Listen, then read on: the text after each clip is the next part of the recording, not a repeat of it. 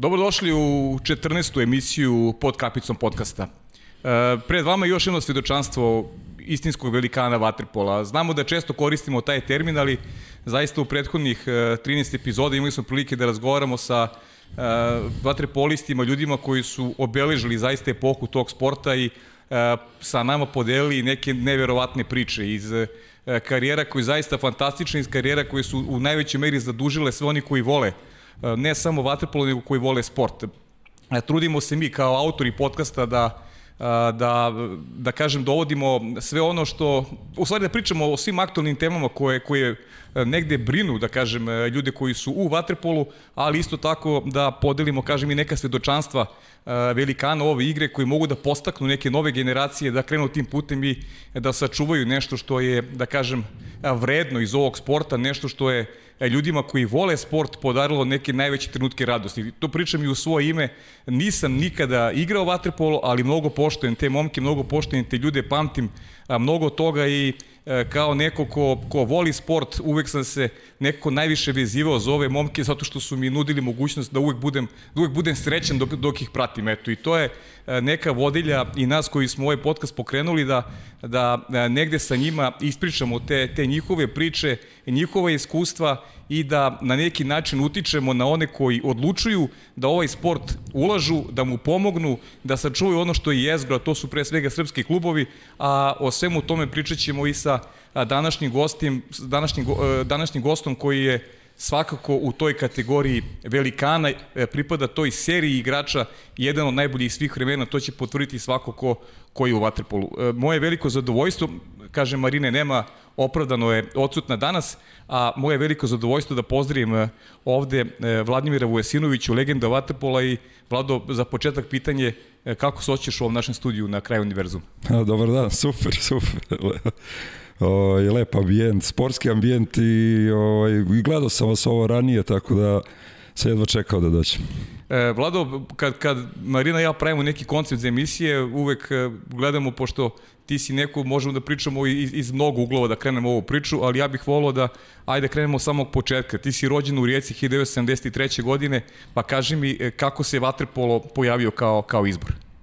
Pa, kako to ide, ono, bilo škola, drugi razred osnovne ovaj, vodili su nas ono kao fizičko ovaj, vaspitanje na bazen naučimo plivamo onda su to ovaj, bili to uvek neki treneri iz plivačkog kluba Primorje koje su gledali klince i tako odvajali su nas sa strane posle tih ovaj časova i nekima ono, nudili da počnemo da se bavimo plivanjem.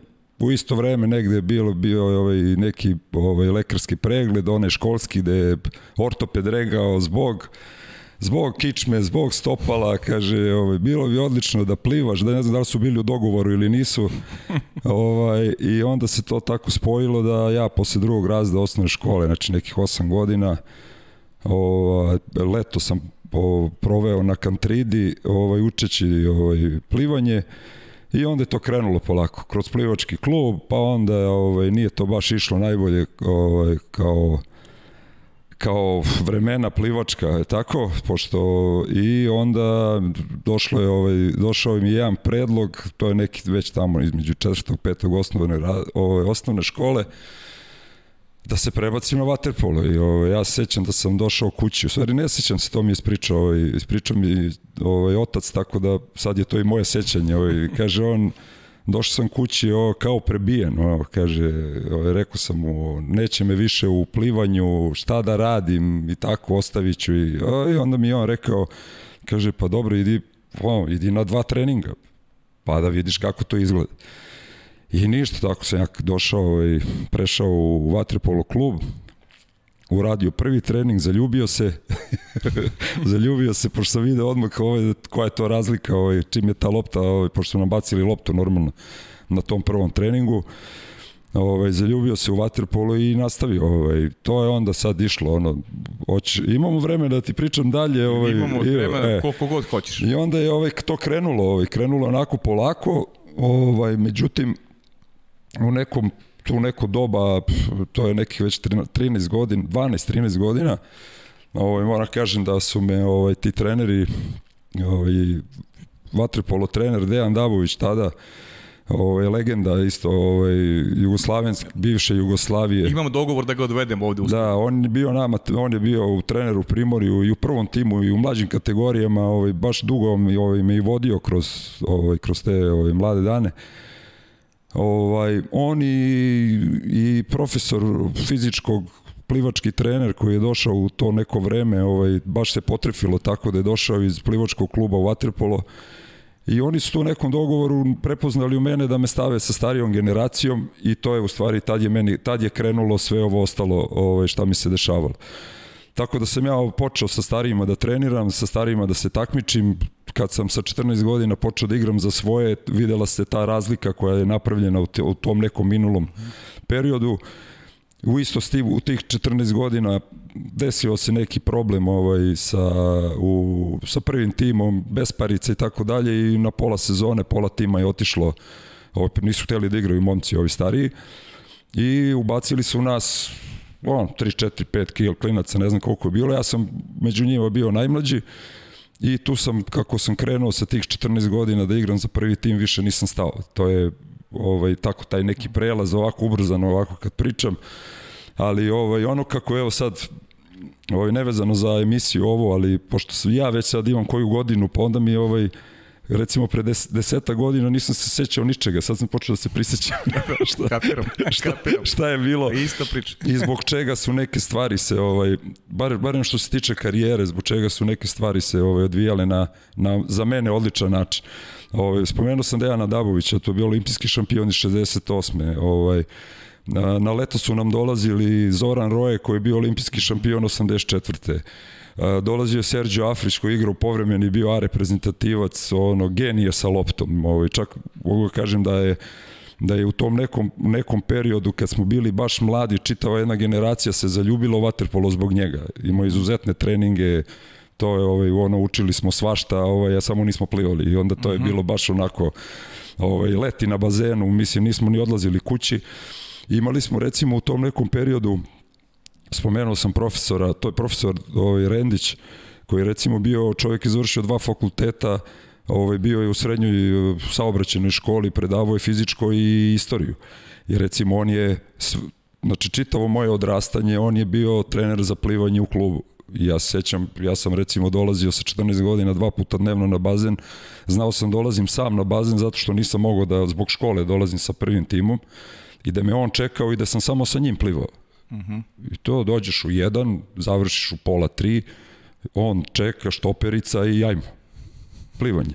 Pa recimo kad sam imao šta je to bio drugi srednje, pa se oborila mi istoričarka na popravni, a ja sam trebao da idem na pripreme, imali smo neko evropsko, recimo profesor Rendić, ujutro trening, plivanje, posle plivanja otvori knjigu, učimo istoriju i onda me šalje kući.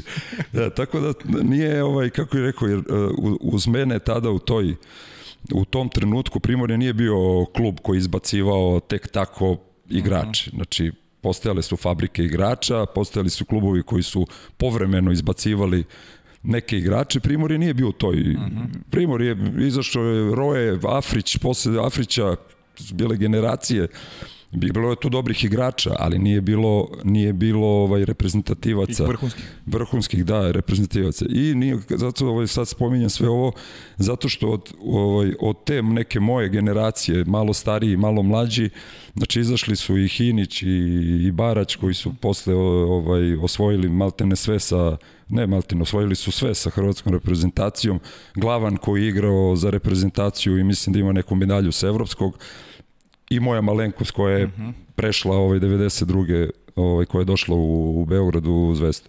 E, možemo da kažemo da su ti treneri iz, iz plivačkog kluba učinili uslugu e, i svetskom i srpskom vaterpolu u time što, što, što, što nisu prepoznali talent Vlade Vosimovića u plivanju. I... Pa dobro, očigledno i nisam bio, ovaj, nisam bio za plivanje, vero, mislim ja sam bio kao vaterpolista dobar plivač.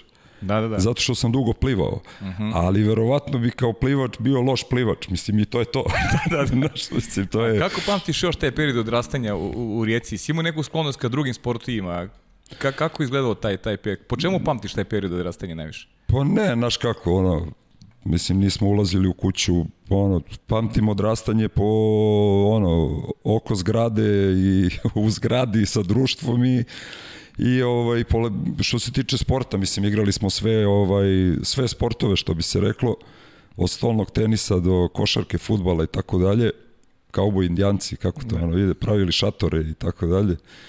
Ovaj, ali što se tiče ovako sporta baš da sam ono da sam trenirao i da sam ono zagrizao do kraja i to to je bilo ovo kako sam krenuo na plivanje plivanje mi je bilo interesantno do trenutka dok nisam prešao dok nisam prešao na waterpolo mada smo mi ovaj kao eto ta generacija neka ta moja ovaj u Primorju mi smo ovaj mi smo podigli i koš na na Kantridi Aha. pored bazena i mi smo dolazili po dva sata ranije mi smo igrali ono basket dolazili smo na treninge ono treneri su hteli da nas biju jer nismo mogli da se pomerimo više nismo mogli da rade s nama koliko bi se istrošili na tom basket Tako da ono, i do, dosta smo mi trčali tamo i svašta se ono, ali ono uglavnom pamtim što se tiče sporta, to je vaterpolo isključio.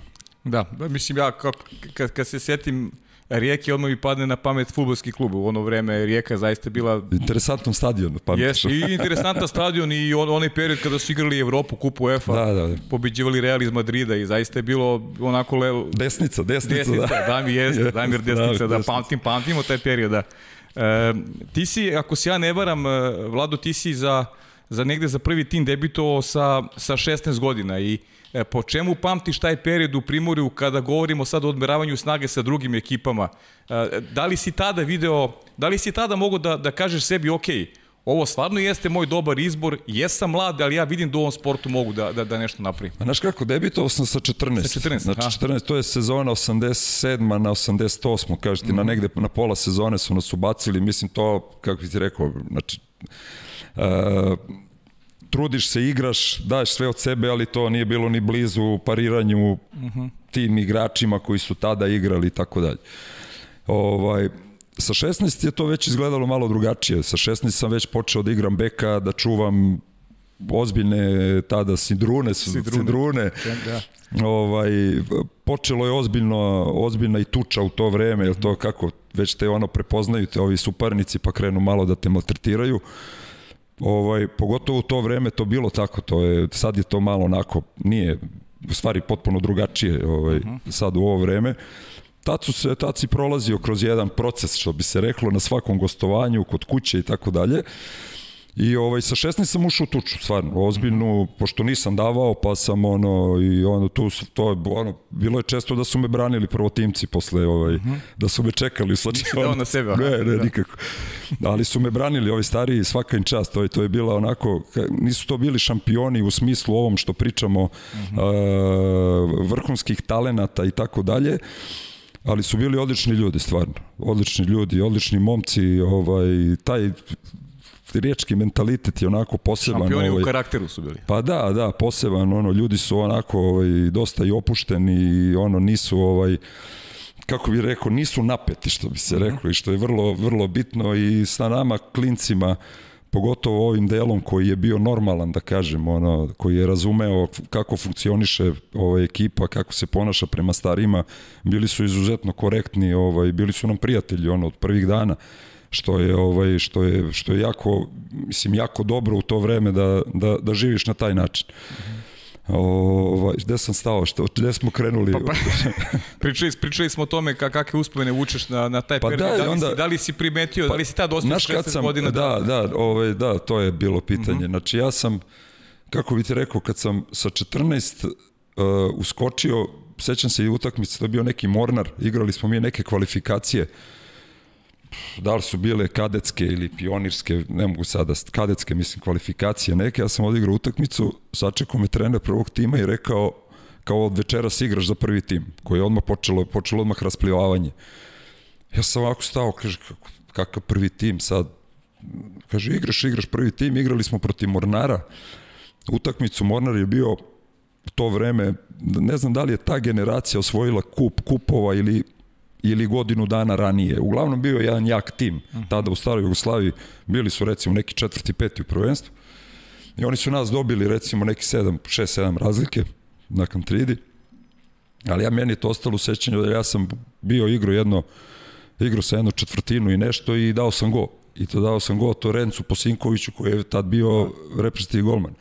I ja kad sam došao kući, ja sam znao da je to to. I da tu više nema, da. kako je, nema nazad. Da, da, da. Znači, nema nazad. To je bilo, ovaj, odmah posle, treni, posle te utakmice su mi rekli da kad god mogu da dolazim dva puta dnevno na trening, ja sam to ozbiljno shvatio, dolazio sam non stop. ovaj, jeste da nisam trenirao sa ekipom, nego, smo trenirao, nego sam trenirao sa igračima koji su imali jut, ujut, pošto sam ja osnovnu školu, bio sam još uvek u osnovnoj školi, osmi osnovne, i imao sam samo ujutru školu. I onda sam dolazio, posle to, oko jedan sat recimo sam dolazio na bazen, tu ponekad bi neko bio, ali većinom ono bi bio i sam, ovaj, to trenirao i išao kući, odmorio malo i vratio se uveče na bazen. Da, da, viš kako, kako detetu, kako se taj jedan detalj usadi, koliko, koliko zna da bude onako jedna prekretnica možda čak i u životu. Dao si go Rencu Posinkoviću i to je, svako to je, to je dete, stvarno ja veliki golman bio i Da, da, ma da, ma mislim nije on, kako bih ti rekao, ovaj, gledajući to sad iz ovog ugla, verovatno kad sam podigao loptu, Renzo više nije me ni gledao. Da, da, da. ali, jasno, jasno. ali u tom trenutku kad ti daš gol Renzo, pa, to je to, mislim, nema tu dalje. Tako je. Vlado, dolazi onda taj, taj nesrećni rat, napuštaš neko, neko svoje detinjstvo, neku svoju rutinu, neko svoje okruženje, društvo sa kojim si i odrastao, učio, učio vaterpolo. Kako si se nosio sa, sa, sa tom celom pričom? Uf, teško pitanje. Ovaj, ne, ja, ja dosta lako. Uh mhm. -huh. Mislim, ja sam imao stvarno izuzetne prijatelje, Uh, spomenuo sam već momke koji. -huh. koji to već u ratno vreme, već se ta generacija, neka kad sam ja ušao prvi tim, već je ta generacija po, i izašla, otišla u inostranstvo, to je bila neka Belgija, Francuska, Švajcarska, ovaj, neki su i prestali ovaj, do, do te neke 92. Ovaj, više je bila, bila je mlađa ekipa u to, tom trenutku i stvarno smo bili odlični ovako kao, kao tim, ono, ono izlazilo se grupno ovaj, e, subotom, e, onak, baš dobra, dobra ekipa, oni, i odrasli smo mi svi zajedno i tako dalje. I ovaj, moram onako, ono, stvarno da kažem da taj, taj rat i pošto je to krenulo mnogo ranije i svi su oni znali i odakle sam i šta sam i tako dalje ovaj, moram da kažem da nisam osetio ja uopšte. Znači ja stvarno, apsolutno ništa. Ovaj, ono, svakodnevnica je bila kao i uvek, mi smo se i dalje zezali i dalje ovaj, živjeli na jedan normalan način, ali ovaj, sve ostalo je bilo loše. Znači van bazena, meni je otac radio privatno nešto, više nije mogao da dođe do posla uopšte, majka mi je radila, u, bila mi je recimo, Mislim, to je ono, to je rat, mislim, nemam, više, nemam da se, ne mogu da se ljutim ni na koga, ovaj, ne ja, nego bilo ko, da. ovaj, bila je recimo poslovođa supermarketa, tako to je bilo, taj naziv, to je za neki šef supermarketa, I ovaj kad je počelo sve to ovaj da se zahuktava, ovaj dobila je degradirali su je na prodavačicu onu, to je ono najgori deo kad imaš onu prodavnicu što deliš svima i kucaš mm -hmm. i, i na željezničkoj stanicu se, su je stavili gde je ovaj, onako bilo poprilično, poprilično aktivno, ovaj, dolazili su ti ovaj, kako se zove, dobrovoljci, odlazili, ulazili u prodavnicu, pričali svašta, bili naoružani i tako dalje i ona je, mislim, i ona je teško proživljavala sve to. Drugo, kao je rekao, eh, roditelji koji imaju dvoje dece, moraju da zarađuju nešto. Tako, tako, je. tako da se sve nekako onako, ovaj, a u isto vreme bila, mislim, realno, meni je čitava, ono, stvarno, porodica čitava i to ogromna. Znači, mhm. stvarno, meni, meni je majka ima osmoro braće se stara, imala, ovaj, nažalost, prošlo je dosta vremena, ovaj, uh, oni su svi iz krajine. Mm -hmm. I oni su bili, ono, ta takozvana balvan revolucija, oni su svi bili negde na nekim, ono, položajima i tako, nije se tu pucalo mnogo, sva sreća. Znači, da. to je više bila simbolična jedna, ovaj, u tom trenutku. Uh mhm. -huh. Nije se mnogo pucalo, ali svi su bili u uniformi, naoružani i tako dalje.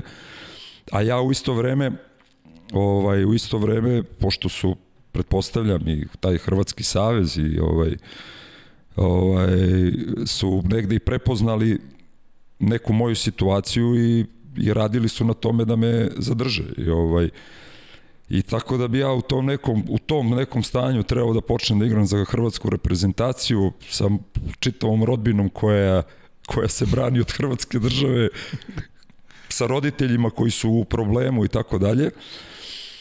Tako da se po, onako i ja sam imao neki čak sam i odigrao za Hrvatsku ovaj, uh, ovaj, odveli su nas u Što nisam znao, to da, je... Da, da, u Nemačku bili smo ovaj, juniorska reprezentacija to je nezvanično bilo, uh Mhm. -huh. nezvanično, još nije, mislim da Hrvatska još uvijek nije bila ni primljena tamo, uh -huh. Da, to da, da. kako ide Lena, Fina, nemam Da, pojma da. kako sad to je. Ovaj. Uglavnom, otišli smo nezvanično u, u Nemačku, juniorska i seniorska reprezentacija, ja sam igrao za juniore recimo u šest i u osam za seniore. Aha. Tako, dve, dve, dva puta ovaj, smo to ponovili. Dok sam ja bio u, to je bio neki Hanover ili Ham ili tako nešto, dok sam ja igrao, ja nisam ni znao, meni otac bio u Beogradu i pričao sa Zvezdom i Partizanom. I, i, ovaj, Na svoju ruku se dogovarao. da, i, i ovaj, Sole, Bata i Nikola Stamenić ovaj, su bili ovaj, uverljiviji. bili uverljiviji. Jasno, jasno. I ovaj, ja kad sam se vratio sa tog, ovaj, sa tog putovanja, sačekao me otac, rekao, slušaj, stvar je takva, takva i takva, nema, nema moraš, nema ovo, nema ono, razmisli, ništa, ja sam o, rekao odmah idemo i I tako sam otišao, mislim. Ja sam u martu bio, ovaj, martu u Beogradu, nas, počeo da igram za Crvenu zvezdu i ovaj, to je to. To, to jeste bilo neko moje sledeće pitanje, taj period u Crvenoj zvezdi, dolazak u zvezdu, jedna dobra ekipa, dobar stručni rad, možda i najbolji period Crvene zvezde, makar, ko, makar koji ja pamtim, ajde, možda uz, naravno uz ovaj kada su bili šampion, kada je Zvezda bila šampion Evrope, naravno. Pa znaš šta, ja, eh, ja sam došao, to je bilo pred kraj sezone, ušli smo već u play-off, ovaj, bli- blizu je u stvari bio play-off, pa posle pripreme za Barcelonu, ove olimpijske igre na koje nikad nismo otišli, ali smo se spremali, ali smo se spremali. Ovaj, tako da pamtim tu zvezdu, ne, ne, ne pamtim je po radu, da ti budem iskren. Jeste, Nikola je posle, imao sam Nikolu kao trenera ovaj, ono, 97. i- ne, za te pripreme za Barcelonu, ali samo zvezdu ne pamtim ja po radu, nego to je bio velika promena za mene. Ja sam E, to, da, to sam htio Da, ti to je, mislim, momak koji odraste, 18, ja sam 18 godina došao, ovaj, ovaj, nije bilo lako to. Ovaj, E, to se to baš prvi dan, da. to su ono, prvih 2-3 meseca stvarno, pogotovo što sam i došao sam. Ja sam došao sam, roditelji su sačekali da sestra završi školu, školsku godinu i da ovaj da završe stan i tako dalje, pa su došli tek za došli su posle 4 meseca, čini mi se. Ovaj tako da ovaj nije bio nije bio lak period, ovaj tako da ga pamtim više po tako nekim mojim ono mom nekom haosu ovaj ličnom nego jeste, mi smo tad, i, ono, počeo sam da igram stvarno sa šampionima, šampionski tim, odličan trener, osvojili smo i prvenstvo tada, ali nekako mi sve to bilo malo onako, ovaj, sve mi to bilo nešto u, u drugom planu, ovaj, jer stvarno je bila jedna velika promjena. Ovaj, dosta mi je pom tada, mislim, ja vas spomenem, ovaj, sad smo zajedno, treba pom, ovaj, pomažemo ovaj, deki u reprezentaciji, Žare Petrović, Mm -hmm. ovaj, Žare Petrovića sam znao kroz juniorske ove reprezentacije i recimo ja sam leto proveo kod njega, ovaj, bio, bio sam ovaj, sa njim i njegovim bratom Srećkom ovaj, smo proveli jedno čitavo leto zajedno recimo i on mi je stvarno mnogo pomogao u tom trenutku jer da kad je tad završila sezona i ovaj, po, do duše išli smo mi na pripreme, ali sa priprema kad smo se vraćali ovaj, čekala me so- soba u tašu. Da, šta- A ovako je ovaj bila potpuno druga priča i tu sam upoznao malo ovaj, i društva i tako dalje i čak današnja, današnja supruga moja, tad sam je upoznao 92. Ovaj, iz tog nekog društva ovaj, Žarete i Srećke.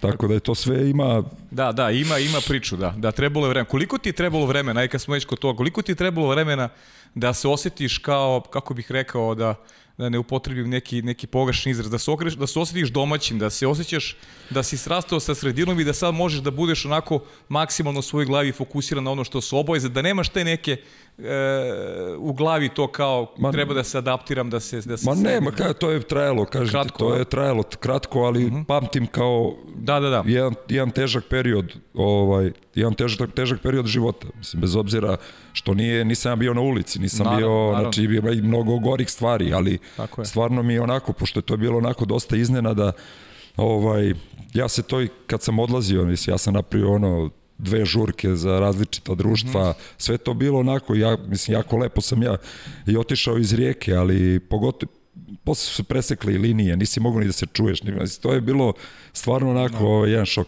Ali posle toga brzo sam ja to, ovaj, Prebrodio. već to kraj leta, već je to, ovaj, već se to pomalo ovaj, zaboravilo, krenulo se ovaj, novim obavezama, ovaj, nova sezona, krenule su i one čuvene sankcije gde su nas udarile sve po glavi, onako kolektivno, ovaj, istrenirali smo tu Barcelonu, nismo otišli, ovaj, tako da je bilo onako, mada, kako bi ti rekao, to što me pitaš da se osetim, osetio sam se ja svoj na svome već posle 3-4 uh -huh. meseca, nisam ja tu više imao problema. Uh -huh. A kaži mi, e, u Zvezdi si osvojio prve trofeje u karijeri. Verujem da pamtiš ono, recimo, finale sa Partizanom. Neverovatna vaterpolo euforija koju u to vreme e, zahvatila Beograd. Yes. Puni su tribine bile stalno i kako, kako, kako pamtiš, kako pamtiš ta vremena iz, iz, iz te prizme? Pa, znaš kako, ovaj, to su bili doživljaji, mislim, za mene doživljaj. I ja, u stvari, kako bih rekao, čak u tom trenutku, u tom trenutku mislim da je to normalno. Ali sam mhm. shvatio kroz karijeru da je to da. bilo nešto izuzetno. Anomalija. da, to se provaljivala vrata, mislim, lomila su se stakla da se uđe na bazen. To je ostao, ostajao ceo jedan bazen bio ovaj Natašu uđe 2000 ljudi 2000 ostane ispred to su bile onako neke neke situacije ali ali moram da kažem ovaj jeste verovatno bilo nedostatak sportskog dešavanja u to vreme pa onda je to nekako ovaj ta neki rivalitet -hmm. u tom vaterpolu i došao do izražaja pogotovo što su bila dva stvarno izuzetna tima, ali moram kažem da su ovaj izuzet i inteligentno radili ovaj ljudi iz iz Zvezde i Partizana.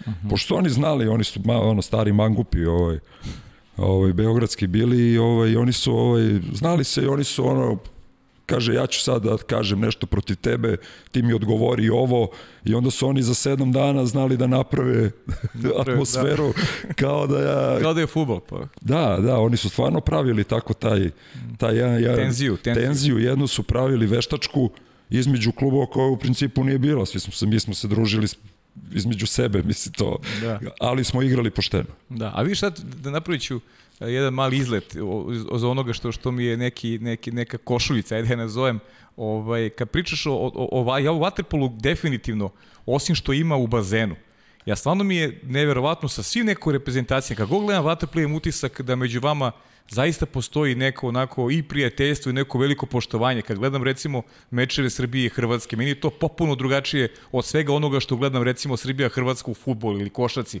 U vaterpolu mi to ima neku normalnu konotaciju, zato što ste vi između sebe se ponašate normalno i, i to mi uvek onako daje, sad ću ti reći iskreno, kad gledam Srbija Hrvatska vaterpolo, nekako mi, kad pobedi Hrvatska, uvek to nekako shvatim kao rival je bio bolji i kažem ok, bio je bolji i to je u redu. A kad gledam neki drugi sport, kad pobedi Hrvatska, uvek se uplete neka teorija zavere da prosto i tebi pomuti mozak da, i kaže, da. čekaj, šta je bro, dok ćete nas kradu, razumeš? U Vatrepolu imam popuno drugačiju uh, prizmu svega onoga, svega onoga što, se, što, što gledam, lično.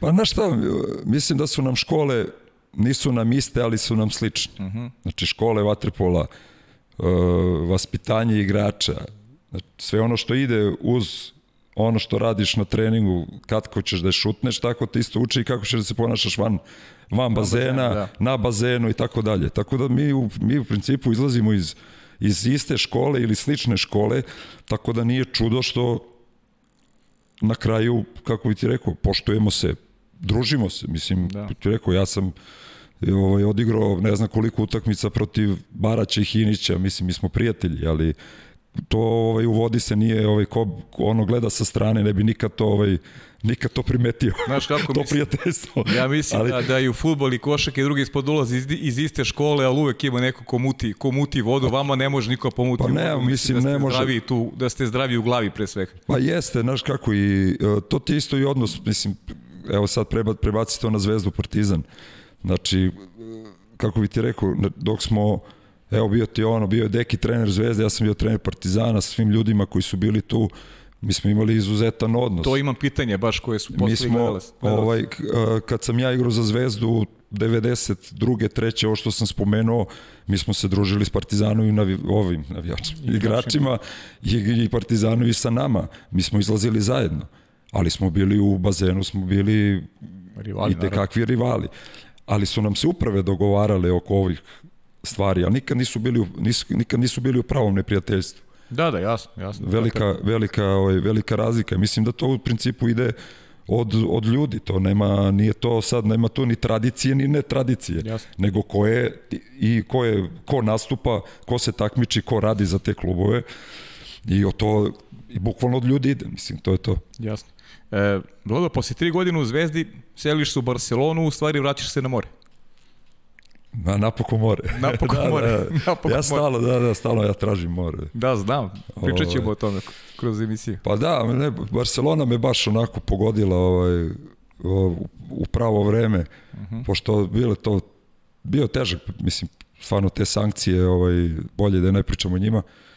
Ovaj, I ovdje sam otišao na preporuku Šoštara, pošto oni, mi nismo igrali ništa, nismo, ni- nismo igrali Evrokupove, nismo igrali sa, re, sa reprezentacijom, nismo imali turnire, nisu ni znali šta je izraslo ovaj u, u Jugoslaviji tadašnjoj ovaj u to vreme san, to vreme to su dve to su tri godine nije to malo Tako je. tako da sam ja otišao na preporuku ovaj Šoštara pošto je on potpisao za Barcelonu i ovaj oni nisu ni znali šta su kupili realno mm -hmm. stvarno nisu znali nego su verovali ovaj verovali su Šoletu na reč i o, došao sam nisam ni znao gde idem ni koji su to igrači kako je bilo loše vreme, nismo mogli ni da pratimo ništa, mislim, uh -huh. bilo nemoguće. Jasno. Nije bilo interneta i tako da nisi ti mogao da otpratiš evropsko prvenstvo ili svetsko i da, da znaš ko je Miki Oka ili Čava Gomez i Da, da, da. Tako da sam ja došao, ovaj, Šole mi je rekao, je, ovo ti je reprezentativac, ima toliko godina, ovaj ti je reprezentativac, ima toliko godina,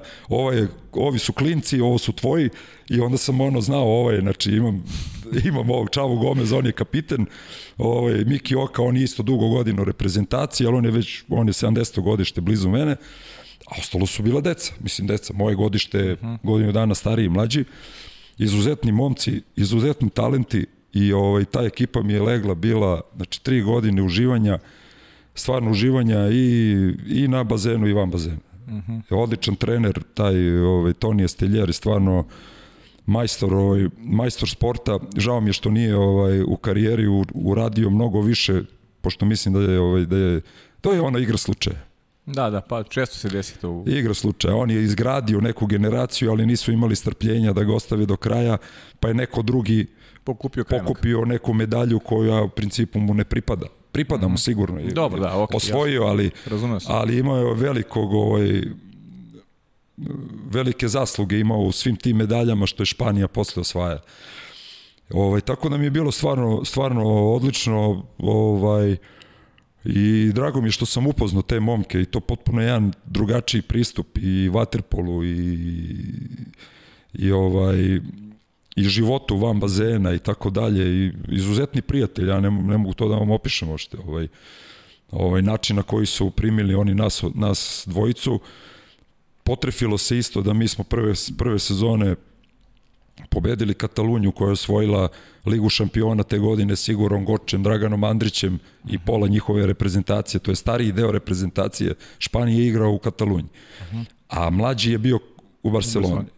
I ovaj, mi smo njih dobili u play-offu 3-1, osvojili prvenstvo, osvojili Len Kup E, da, to ste opet. ovaj, te godine. S kim ste igrali u finalu Len Kupa? Uh, Len Kup finale bio Ferenc Varoš. Uh -huh. Ferenc Varoš, da, pre toga smo izbacili, ne znam, neki Vuljahmeni, Savonu i uh -huh. tako. Ovaj, tako da su ovaj, sledeće godine smo već malo ono pojačali tim, pa smo probali da osvojimo kup šampiona, ne ligu šampiona, što je bilo mnogo teže ovaj, doći do toga kupa šampiona, to sada ovaj, zvuči, ali stvarno je tako, ovaj, pa smo probali, ispali smo u polufinalu od mladosti i treću sezonu smo, počeo je Final Four da se igra, prvi Final Four u Napolju, ispali smo od Posilipa u polufinalu, tada smo već bili mnogo slabi i već smo napravili iznenađenje, ovaj, što smo bili tamo, stvarno smo dobro igrali, ali on, nismo, nismo uspeli, prođemo na poletance. Mm -hmm. A život u Barceloni, kako ti je? Ti lego život u Barceloni? Pa da, da. Pa ne, zato sam, jesam ovaj... Između ostalog zbog toga si da, ali, sve leglo. Kako a kako, ovaj, Barsa je stvarno odličan grad. Mislim, u stvari, bila je odličan grad. Sad, ono, dobro, sviđa se meni uvijek kad odim tamo. Da, jasno. jasno. Znači, obiđem ono, de, ovaj, kuda sam prolazio i taj jedan dan mi mi je dovoljan, ali ovaj postala je frenetična, mnogo turista, yes. mnogo haos, to su reke ljudi na sve strane. I to više nije taj isti grad. Mnogo je skup, kvalitet hrane opao, kvalitet usluga inače opao, baš zbog tog turizma ovaj, prekomernog. Ali recimo u vreme kad sam, kad sam ovaj, bio tamo, to je 94. do 97. Ovaj, to je bio grad za uživanje stvarno. To je bio onako malo, malo turizma, ovaj, prepuno lokala, prepuno mladog sveta, prepuno stranaca, e, opet na stranu grad. Imao sam izuzetno društvo. Aha, da. Imao sam izuzetno društvo, jer to je ono što je, zbog čega je meni Barcelona ostala u takvom da. sećanju, zašto sam imao izuzetno društvo s kojim sam provodio dosta vremena. I se čujete i dalje, ili imaš... Pa i, da, čujemo se, mi se, ono, mi se i viđamo ovako, ovo, i poslom, i, da, i da. kad smo tamo, ono, idemo, ono, obnovimo malo uspomeni, tako, uh mhm. -huh. kako to ide. I sišu na futbol? Kako to ide? Uh, uh, ne. ne. ne, ne, futbol mi je onako, moram da priznam da ga nikad nisam razumeo. Aha, dobro. Ja nikad se nisam ni potrudio. Da, ovaj, bio sam u Rijeci, sam gledao jednu utakmicu, vodio me brat, on je bio navijač Rijeke, odveo me, ne ovaj navijač ovaj baklja, nego ne, ne, navijač, pa do, ono, pa normalno, navijač, to, da, da, to, bez baklja. Tako je, bez baklja. Ovaj, ovo me odveo jednom, ja sam to gledao, ništa živo nije bilo jasno. I ovaj, onda nisam više. Onda me odveo u, u Stric. U, kad sam došao u Beograd sa 18 godina, odveo me na, recimo, Crvena zvezda, ne znam, neki hajduk. Neki srpski hajduk, ne, ovaj, ne znam koji, tako neki. Neka ekipa i kaže, kaže, gledaj kao ovo, rekao, rekao ja stvarno, nikako. To je moj klub, znaš, Hajduk Lion. E, i ovaj, Tako da nikad nije mi se ovaj nikad ga nisam ni ovaj ni pratio, tako da nisam u Barsi nisam bio evo da ovaj skrenemo sa teme, ovaj, u, bio sam na Barceloninoj utakmici sa Rekom recimo 2007. 8. Aha, aha. To je bio neko Liga šampiona, polufinale. Povredio se Messi, ne znam, ti znaš sigurno te. Da, ne. Messi se povredio u polufinalu Ronaldinho dao gol za 1-0, a mi da su igrali protiv Arsenala i prošli u finale. Moguće, ne se. Ne. Ja sam, nama je gazda taj Reka koji je mm -hmm. čovek onako imućan podosta, ovaj, pošto je bio tada u Barceloni, njemu palo na pamet da nam ovaj, da nas vodi na stadion. Da. I normalno sad čovjek ti da kartu koju je kupio ono preko ovih tapkaroša, platio Boga oca. Ovaj, I ona je raz, razdeljivo te karte, ono, dvojica, ne znam gde, jedan ovamo, petorica, znaš, sve to bilo. Sve to bilo. I ja, ovaj, ništa, ja sam pitao ono ko je, je li ima ono jedan sam da sedi, kaže ima, ja uzmem tu kartu i stvarno sam imao odlično mesto. Ovaj, međutim, izašao sam malo ranije, zato sam tražio da mi niko ne vidi da sam izašao. I ja sam gledao tu utakmicu, stvarno onako, ovaj, zanimala mi atmosfera. Potrudio, i, potrudio pa si da, se, ono, šansu. I ovaj, mogu ti reći, atmosfera me malo razočarala, pošto ima početak utakmice stvarno super, to peva sve, ono, himna, ide ovo, ono, posle toga, ono, jedu sendviče i, da. i ono... Sterilno, sterilno. Da, onako, jest. ono, onako, poprilično mirno. Ovaj, normalno, čim gledam utakmicu uživo, nema golova, ne, to je tako ide, to je onaj, ovaj, nema šanse da se da, ovaj, da, da padaju golovi i ja sam on negde na 0-0 izašao i onda sam čuo da je Ronaldinho dao gol. e, a, a učestvuješ u onoj Dekijevoj kladionici ono, za svetski? Učestvujem, učestvujem. Učestvuješ? O, ja tu i, tu i dobijam, tu i dobijam, zato što nema pojma. pita Jugoslav, to pita Jugoslav. Pitaću ga, da. Pita Jugoslav, pita kad ti bude dolazio u goste, pita, u stvari ja ću da mu postavim pitanje. Baš postavim da. pitanje, baš. Kaži mi, kako se dogodilo to da posle Barcelone, tri godine Barcelone, ili ne znam, moj podatak dobar, ti tri. si tri godine da u Barceloni, da si jednu sezonu provio onda u Partizanu.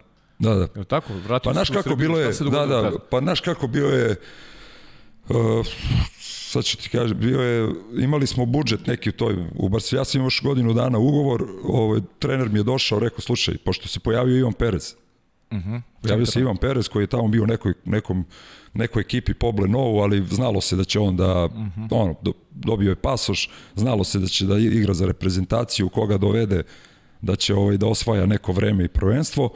I trener mi je došao pošteno, rekao, ovaj, znači možeš da ostaneš, mi ćemo nekako da se, on, nekako ćemo da izvučemo jednog i drugog, ali bi nam napravio uslugu kad bi našao nešto na godinu dana.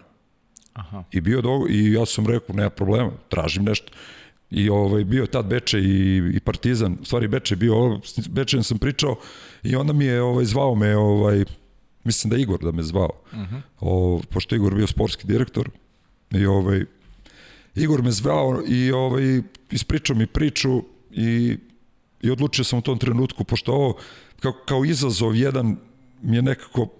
Da, da, jači izazov bio, da. Da, bez obzira što je Beče igrao ligu šampiona, mhm. -huh. to je ligu, opet da se vratim na kup šampiona, kup reći da. ti zašto to pričam. Mhm. -huh. ovaj, znači, ovaj, Beče igrao kup šampiona, ali znalo se, da Beče je bio mnogo jak i nikomu nije mogao ništa. Partizan je te godine pokušao da napravi tim koji će ne te godine možda da Da parira. Da, da, pa, ne, da, ne, da parira već te godine, uh mhm. -huh. ali ono, da li, da, da li će iznenadi ili ne, to je bilo teško ovaj, prognozirati, ali je teo da napravi tim koji će da u narednim godinama preokrene ta, tu dominaciju Beča. I to mi je onako bilo interesantno i ovaj, otišao sam u Partizan, međutim kako to idu ove kod nas priče, to je trajalo godinu dana, već je počelo ono priča neka Kosovo, uh, budžet nikakav bolje da idete nego da o, možete da ostanete, ali i onda sam ovaj a imao sam ovaj dogovor sa sa Barsom, sa Barsom tako da sam ja ovaj se dogovorio s Barcelonom, ovaj vrlo brzo. Ja sam trebao da idem da potpišem ugovor u Barceloni.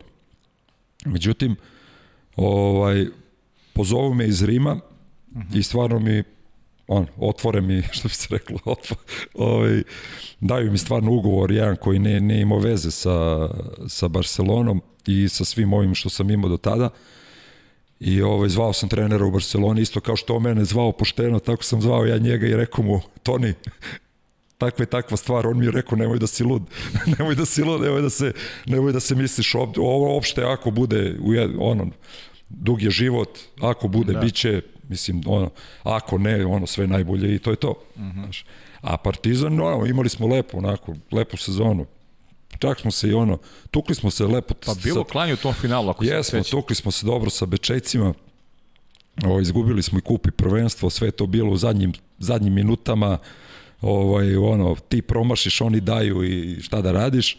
Ovaj, ali smo osvojili taj Len Kup koji je ovaj, igran sa, u finalu sa Jadranom iz Splita u to nevreme To je još uvek bilo nevreme, nevreme da. ovaj, to Srbija, Hrvatska. Pa to je, mislim, bilo i prvo gostovanje jedne srpske ekipe. Pa i moguće, da. Ja mislim da jeste. Pre da. toga su igrali igrale ekipe, ali možda, nisu možda išli u Hrvatsku. Da, ali nisu išli, nego su igrali, igrali su u Sloveniji, igrali su u Mađarskoj i tako, tako, je, tako neutralni je. teren. A mislim da smo mi bili prvi koji su mm. ovaj prvi koji su ovaj, došli na, i to u Split, ne, nismo išli u Zagreb, mislim, da, da, da. koji je mnogo mirniji Zagreb. Tako je. I ovaj, stvarno onako, bio doživljaj. Znaš, mhm. -huh. doživljaj, to je bio onako u Nešto kordonu. 3-1, 4-2. Ma da, utakmica ako utakmica, dobili smo, prošli i to je to, mislim, ali doživljaj je bilo sve ovo... Sve ovo Prateći ovo, da. Da, da, da, ti kordoni, policije, ti, ono, gde god prolaziš, ono, oni nas vuku kroz neko brodogradilište, ono, ono tamo stoji u brodogradilištu neki, znaš, ono, stvarno onako, ovaj, zanimljivo bilo. E, kaži mi taj, taj Rim, ovaj, e, u to vreme Posilipo, Posilipo Savona, Pro Reko, italijanska liga je bila daleko najjača na svetu. Eto, i, i, i ti, si, ti si sa Romom čak osvojio šampionsku titulu, ako, ako si ne varam. Te... Pa, ne, ja prvu sezonu, da, prvu sezonu smo, mi smo imali tim odličan. Ovaj, prve sezone su nam bili konkurenti ovaj, po Silipu i Peskara. I Peskara, aha. Da, da, po Silipu Peskara. Ovaj, oni su ono imali odlične timove. Ovaj, mislim, to sve bile, to su bili ono, odlični stranci, tvari ne, vrh stranaca koji da. su mogli da dovedu. I i bili su ovaj ono itali, ovi italijanski reprezentativci ono koji su ono sve pouzimali u to vreme. To vreme i malo ranije. I ovaj ništa mi smo imali dobar tim, do duše nov ovaj, nov trener i tako dalje, ali brzo smo mi to nešto se onako uhodali i uzeli smo mi to prvenstvo odmah te prve sezone. Ovaj, nažalost, imali smo sportskog direktora jednog koji imao neku viziju svoju ovaj, o formiranju tima za naredne dve sezone i po, po, potpuno pogrešio. Ko, ovaj, po, potpuno pogrešio. Tako da smo naredne dve sezone se baš mučili onako. Uh -huh. Mučili, imali smo mi tu neku ambiciju i ovo, ali to je bila ovaj stvarno onako jedna muka ovaj koja prve godine, stvari druge godine jedan igrač nam nije došao, drugi bio nešto ovaj kažnjen, sezona onako dosta onako loša, a treće sezone smo ponovo napravili tim, tu sam sva, evo, to mi je ono drago što smo igrao ponovo sa Hinićem jednu sezonu zajedno. Uh -huh. To smo odigrali zajedno, ali nismo uspeli da dođemo čak ni do finala. Imali smo ekipu da osvojimo, jer realno nismo dobili platu od januara. Dosta tih igrača više nije htelo ni da da, da ovaj, da zapinje da ih da. Ma ne, nisu ma njih zanimalo. Uopšte. Ništa, da čekali kraj sezone sam. Ma mi smo vukli nas nekoliko, nešto vuklo ovo ono, ali ne, to, ako nemaš tim, nema, ne, da, da, ne, nema prolaz. Tako da sam ono, jedva sam čekao da odem iz Rima, da ti pravo kažem, zbog mm. toga. Bilo je, krenulo je sve previše dobro izgleda i onda se sve to onako rasipalo. I mm -hmm. vidiš da se rasipa, a nekde i moja ta neka i lična ambicija, ovaj, nije, to, ovaj, nije to išlo mm -hmm svojim putem, što bi se rekao. Da, a onda, onda preposljedno da je to uticalo negde i na, kako, kako, kako neka paralela življenja u Barceloni i Rimu. I Barsa više legla kao grad mnogo, ili... Ma ne, Barsa bila mnogo opuštenija, uh mhm. -huh. ovaj, mnogo, kao opet to je vezano malo i za društvo i za način života i tako dalje. Da, da. Rim je mi bio malo specifičan, ja sam dobio i sina u Rimu prve godine, tako da, da sam ja bio... Dobio. Da, sam bio, realno smo bili nepokretni, mislim, u smislu uh -huh. sa nekog velikog druženja, noćnog života, šta mladi uh -huh. svet voli ovaj, da, da. i ostalog. Ovaj, bili smo dosta ono kako sami sa detetom, imali smo tu neke prijatelje iz ekipe s kojima smo se družili, više po kućama i tako dalje. Ovaj, ali Rim je inače ovako dosta haotičan grad i ovaj, nije mi ostao u najboljem sećanju, znaš, zato što je ovaj, e, otići do centra i vratiti se kući nekad ti treba ne, 4 sata u, u kolima. Da, da. Znaš, ovaj, odeš da kupiš nešto i ostaneš u koloni 45 minuta, znaš, i to je onako, meni to bilo podosta, podosta stresno, znaš. Mm -hmm. Bez obzira, znaš, nisam ja sad nešto mnogo išao do, u grad i nazad i tako dalje, ali ovaj, težak je za život ako nisi organizovan u možda peške do treninga, tramvajem do grada ili metrom i onda si u redu.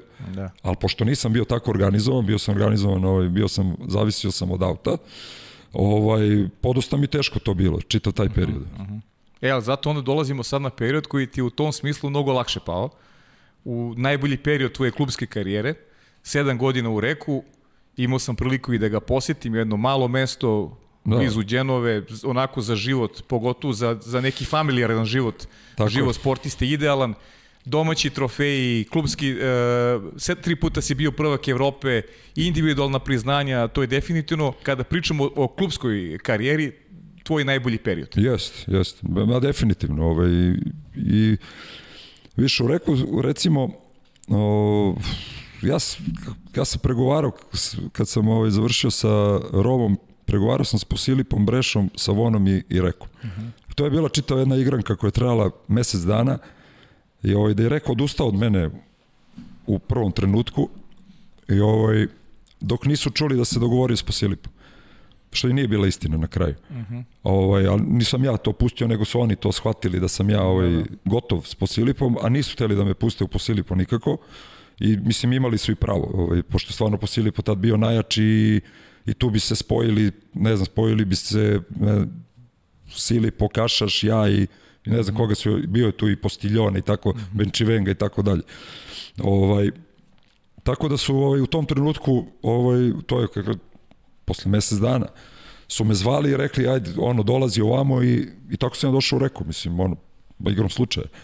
O, došlo je tu još dosta igrača, baš dosta, šampiona i ljudi koji su osvajali svašta i, ovaj, o, i koji su trajali baš dosta i godina. I brzo smo se mi tu onako mm -hmm. skockali, što bi se reklo. I ovaj, videli smo da može to da ide ono kako treba. Izuzetna atmosfera, izuzetna atmosfera na bazenu, igrači odlični, isto ovo sad potpuno druga, drugi ambijent u odnosu na Barcelonu, druge godine, druge godine, druga, drugačije potpuno iskustvo tih igrača i tako dalje. Ali i dalje, znači to je posle ta ekipa koja stvarno smo živeli zajedno. Mm -hmm. I to nas je negde držalo od te prve godine pa do poslednje. To možda poslednja moja već bila onako malo ovaj, doćemo i do nje, mogu da ti počnem hoćemo, polako hoćemo, da ti pričam. Hoćemo, ne, ne, doćemo naravno. Ovaj, tako da smo prve sezone ovaj, ja sam igrao katastrofa prvu sezonu, to je bio užas. ovaj, ne, ozbiljno, ovaj, ne, to krene nešto loše, znaš, to je u karijeri to normalno, znaš. Ono, igraš dve, dva meseca, tri meseca loše, ali igraš, ono, igraš u rezonu, pa to stigne polako. Međutim, ovde je bilo, počela sezona, odmah neka tuča na treningu sa, sa Savonom, meni ovaj jedan izvuko rame, mesec dana neke terapije, ono, pa mesec dana povratka, a nov tim i kako bi ti rekao, svi su oni već ono nešto legli između sebe, a ja sam nešto negde bio sa strane, znaš. Mm -hmm. I sad to kad je krenulo ovaj, da uđeš sad u tu grupu, znaš, sve to, kako bi ti rekao, nije to tek tako jednostavno, znaš. Da, da, jasno. Pogotovo kad igraš sa takvim igračima. I onda je to trajalo, trajalo, trajalo i nikako, nikako, nikako ovaj, i ovaj, i onda tamo negde pri kraj sezone, ne pri kraj sezone, treba da igramo finale, znaš. I ovaj, ja i raspadam se život. I ovaj, počeli, ono, ja već čuo, ono, ono, čujemo, ono, priča, uh, kao ono, platili smo ga mnogo, ništa ne daje, razumeš, da li, kako, a ja imam dve godine ugovor, razumeš, tu još jedno. I ništa, mi neki trening ujutro, recimo dva, tri dana pred finale, igralo se na tri dobijene i došli ovi iz uprave, svi ono došli tamo, bilo ih je koliko će, ta prva uprava je bila odlična. Ono, bilo ih je mnogo i sve to neki poslovni svet iz Dženove, onako bili zanimljivi, simpatični ljudi. I ovaj, došli oni tamo i ja posle treninga odmah kod njih i rekao, onako stao ispred njih, rekao, slušajte, kaže, ako, ako ne osvojimo prvenstvo, idem. Kažem, pa kažeš, oni stali ovako, Nisu mi rekli ne može, ne. Znaš, nego ovako, ovako stali kažu dobro. Da, da. kažu dobro. I ovaj, ništa, ja tu, ono, pa mislim, skinem sa sebe to neko, imao sam to neko opterećenje, da, da. razumeš? I ovaj, i ništa, krene finale i mi prospemo taj posili po 3-0, mene proglase ono kao najbolji, najbolji igrač finala da. i, i to je to, posle još šest godina, razumiješ, da, da, da. sam ostao, znaš, ali bio je taj trenutak, znaš, da, da. ovaj, koji ti ono, tako ide, mislim. Ono... Ali, ali bitno je da čovjek živi sa tim, da, da, da ga osjeti da je svestan toga pa, i toga onda, toga onda pogori i napred. Znaš. Pa da, naš, i onda je ovaj, to je tako onda je krenulo, naš, ovaj, posle sledeće godine, to što pričam, kao šampiona. Ovaj, ranije je bilo mnogo teže osvojiti. Uh mhm. -huh. Naš, proš, ranije si morao da osvojiš prvenstvo, pa kad osvojiš prvenstvo, onda ti kao taj jedan jedini, jedini koji je da. svoje prvenstvo, sledeće godine igraš kup šampiona. Ako ne osvojiš, ako ne osvojiš te godine kup šampiona, a nisi prvi u prvenstvu, ti sledeće godine ponovo ne igraš. A, da. Znaš, to je bilo onako, i smo mi sledeće godine, ovaj, izgubili smo prvenstvo, smo osvojili kup šampiona ovaj, u Dženovi se igrao taj Final Four i onda, se, onda je krenuo jedan malo haotični, haotični period reka, pošto je, kako to ide, ono, kad nepravedno uradiš nešto, onda plaćaš neke Šta ne, ja mislim da ne ulazim u Božje, ali verovatno ima ovaj razumljivi rezon zbog čega je to tako. Da. Ovaj trener koji je ovaj kako se zove osvojio prvenstvo i kup šampiona, ovaj dobio otkaz i dovodili su nam naredne dve, dve sezone izuzetne, izuzetne ljude, izuzetne trenere, dva napoletanca su bila ovaj pokojna nažalost, ovaj koji nisu bili ni blizu. Mi smo lutali dve godine, baš onako, ovaj, lutali u sastavu, lutali sa trenerima, lutali u načinu treninga, ovaj, i onda je došao, ovaj, doveli su trećeg napoletanca, Pina Porcija, -hmm, porcija da. Pina Porcija i onda je napokon smo ovaj ono karmički smo Klikno. se rešili Google Dinetija da. i ovaj i ovaj stvorili smo pa ovaj, moram da ti kažem da smo bi imali šest, recimo sezonu petu na šestu, mnogo lošiji po imenice tim nego recimo neku treću, četvrtu ili četvrtu, petu. Ali smo kao, kao tim izgledali sasvim drugačije. Uh -huh. Igrali smo finale Lige šampiona, već je tad počela Liga šampiona, igrali smo finale Lige šampiona u Dubrovniku, izgubili finale, osvojili prvenstvo, to 20. se jurilo, inače 20. ta druga, druga, druga zvezdica ona uh -huh. da se stavi. I sledeće dve godine onda osvajamo sa Pinom sve. Ono, osvajamo i te i super kupove i Lige šampiona i tako dalje. Međutim, već osme godine ta ekipa je malo izgubila ovaj izgubila ono što imala ranije, jer tad je počela već, ta moja poslednja godina već je počela malo, malo veća kupovina, malo veća kupovina i već su počeli igrači da sede na tribinama i da gledaju utakmice. Mm, e, da. Što nije bilo ranije. Mm. Ovo, ovaj, to je prva sezona gde smo imali po nekog koji, mislim, igrač koji igra za reprezentaciju Italije i sedi na tribinama i gleda utakmice. Mislim. Da. ne, meni to ovaj ne...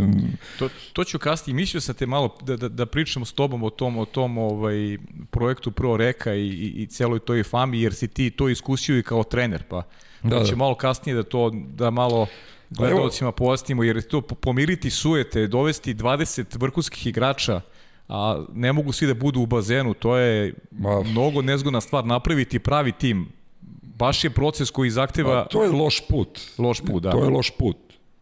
Ja tako mislim, loš put. Neko može da se svidi, neko može da se ne svidi. Evo sad da ti gledam ovako jedan podatak.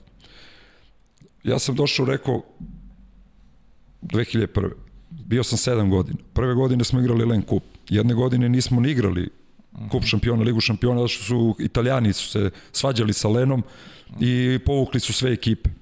Znači, mi smo učestvovali u kupu šampiona ili, ili ligi šampiona, kako se danas zove, ovaj, mi smo učestvovali pet godina i osvojili smo tri lige šampiona za pet godina. Narednih 12 godina sa super timovima koje su pravili iz godine u godinu su uzeli tri. Da. Ja kad pričam ljudima sastave s kojima smo mi recimo uzeli, kad smo sastav Lige šampiona 2007. godine, tu pronađete momke koji su, kao je rekao, to su klubski igrači koji su italijani, koji su u datom trenutku dali svoj maksimum, da li je to da pokupe tri faula ili da otplivaju po loptu, da, da, ili da dobiju izbačaj na centru kad treba, ali su imali svoju rolu. I tu su bili ono, dali sve, o, i ekipa je davala svoj maksimum. I dolazila do trofeja.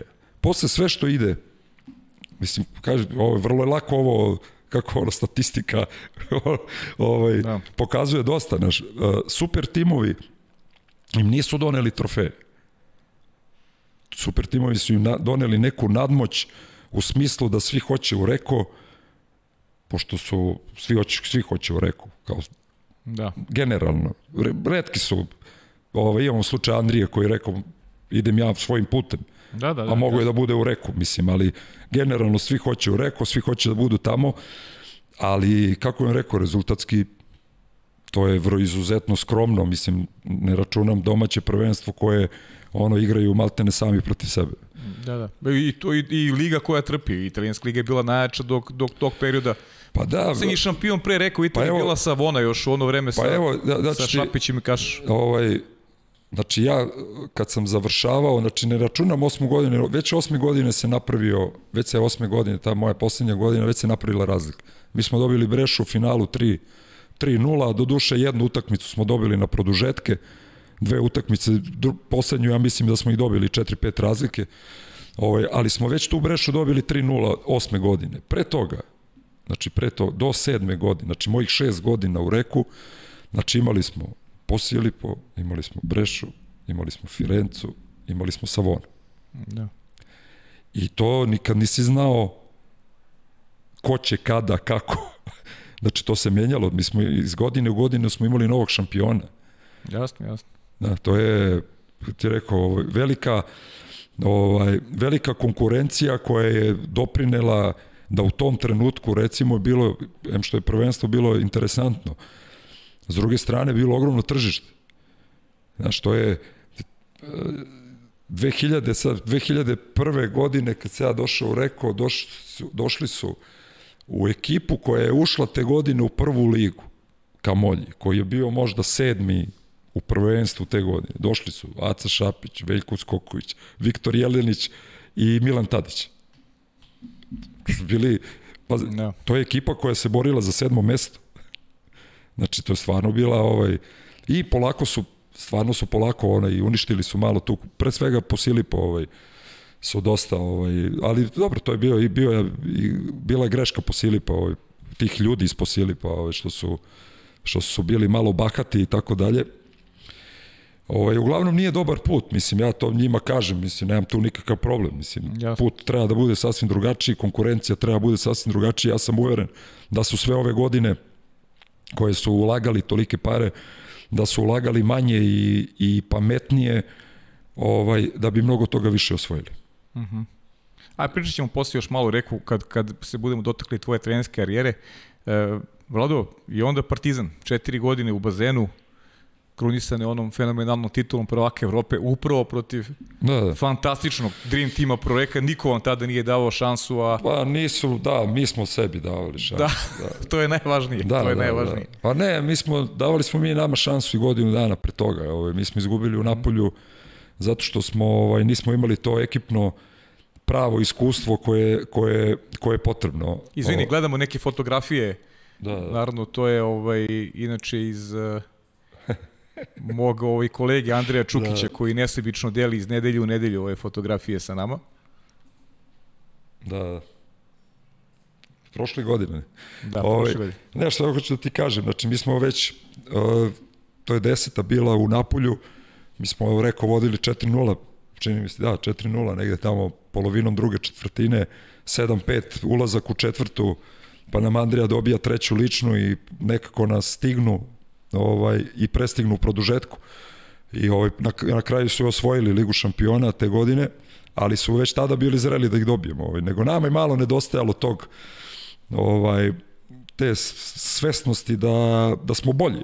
Ja, mi, ja, ja iz ovog ugla ili iz onog ugla, ja sam to, ono, mi smo bili bolji tim. Mi smo bili bolji tim. Bez obzira što su igrali tamo ovaj, sva ta imena. Ali kako je rekao, eh, Perone kao, eh, kao treći igrač zgodne strane i povremeni bek nema apsolutno veze s Peronem. Perone mora da igra četiri četvrtine i onda je jedan od najboljih na svetu. Da, da. A, a da sad ne, ne spominjem ko je nama igrao, nama je Čule igrao trećeg čoveka na zgodnoj strani koji je dao, koji je dao tri gola, dva ili tri gola u finalu i to onako. Uh -huh. Bez problema. da. Ili Čule u tom trenutku to mu je bio zadatak. Bio je sam dobar dobar na toj poziciji, u toj ulozi što je imao i takav igrač ti treba imati šampiona na nekim suludim pozicijama da ovaj to nema veze nikakve. Tako da ja sam bio uveren i tada, mislim, ja sam bio uveren da ćemo mi njih dobijemo u Napolju, nego, nego su nam ono, Da, da, pa skliznuli su šta da, radimo. Ovaj.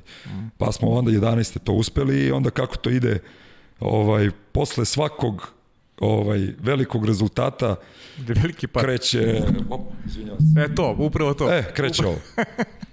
I krenulo je to i evo, evo skoro, evo sad smo svedoci kako se, kako se završilo kako se završilo, evo pre koliko je bilo dve nedelje ovaj, ovaj, ovaj haos što se, što se de- izdešavao, što se tiče dolaska nove uprave i tako dalje, ali na kojim Da. da. granama ovaj Partizan završio, to je 9 godina. Mislim, to je ovaj, za, za ono, da čovjek ispiše knjigu. A ja sam bio svedok narednih Da, znam, to je. pet. I posle, Pet. Još da, jedna igračka i četiri posle trenerska. kao trener, da.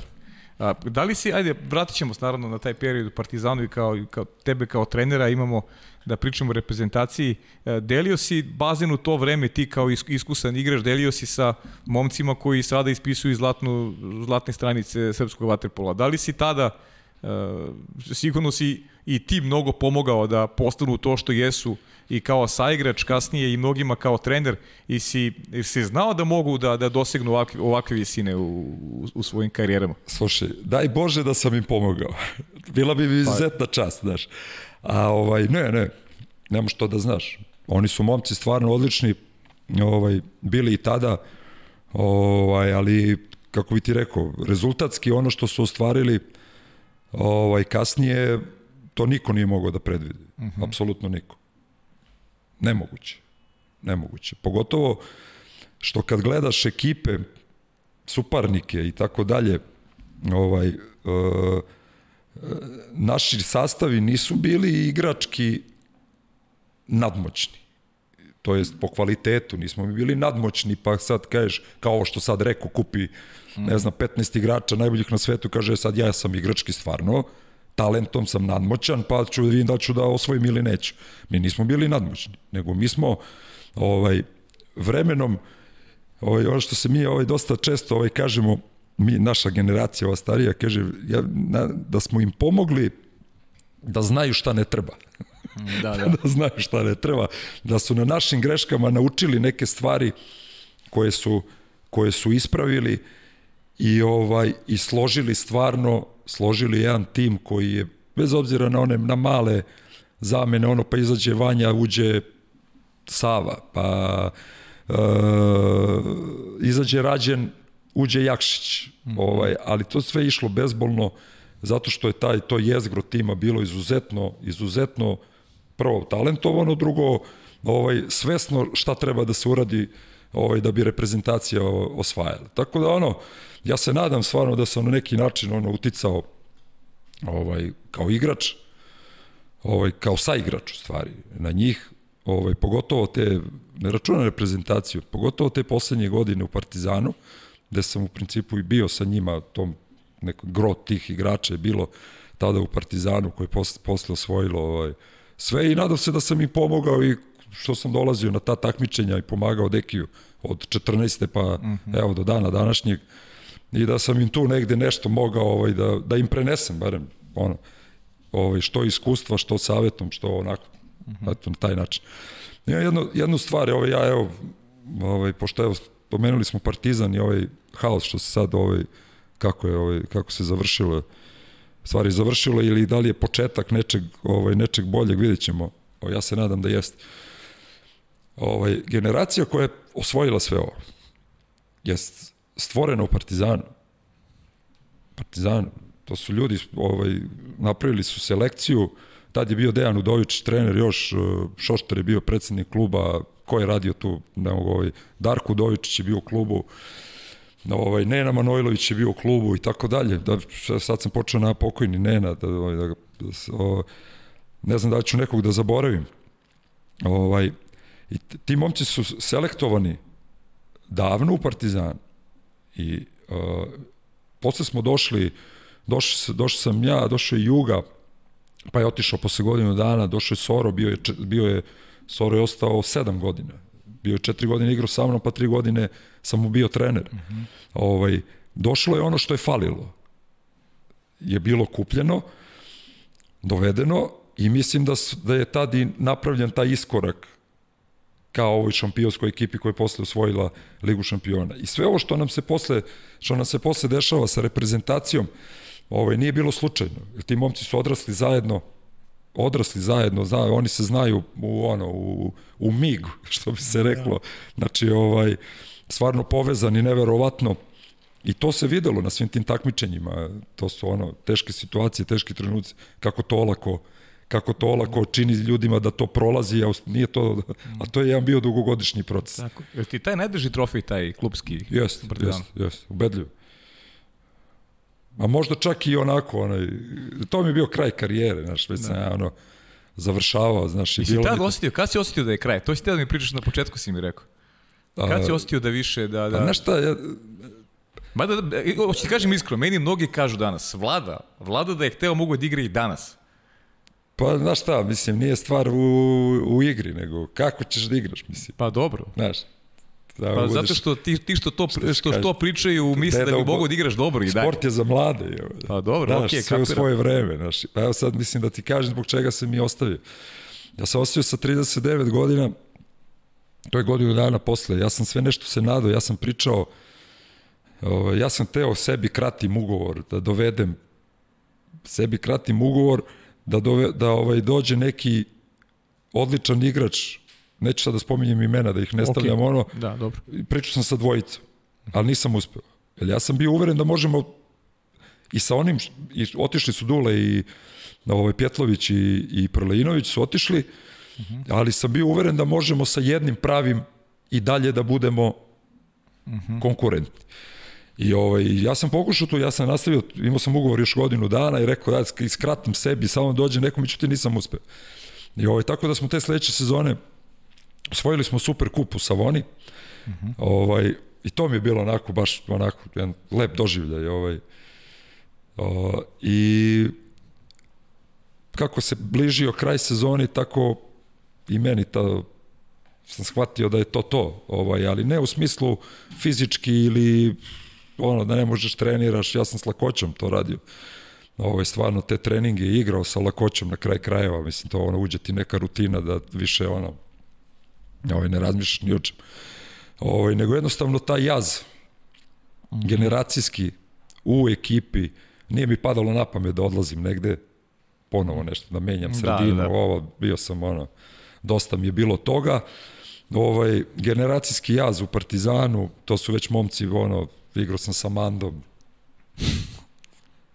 mlađim, koliko, 21 godinu. Tako je, 21 godinu. Jeste.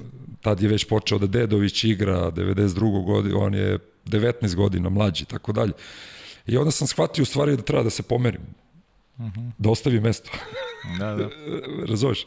Jasno, jasno. Ovaj, da ostavi mesto, I onako sam sedeo odmah iza trenera tih poslednjih godina, tako da sam prešao samo, prešao samo dva reda ispred samo u autobusu. Obuku farmerke. Da, da, dva reda ispred u autobusu i to je to bilo. da, da, pričat ćemo o farmerkama posle.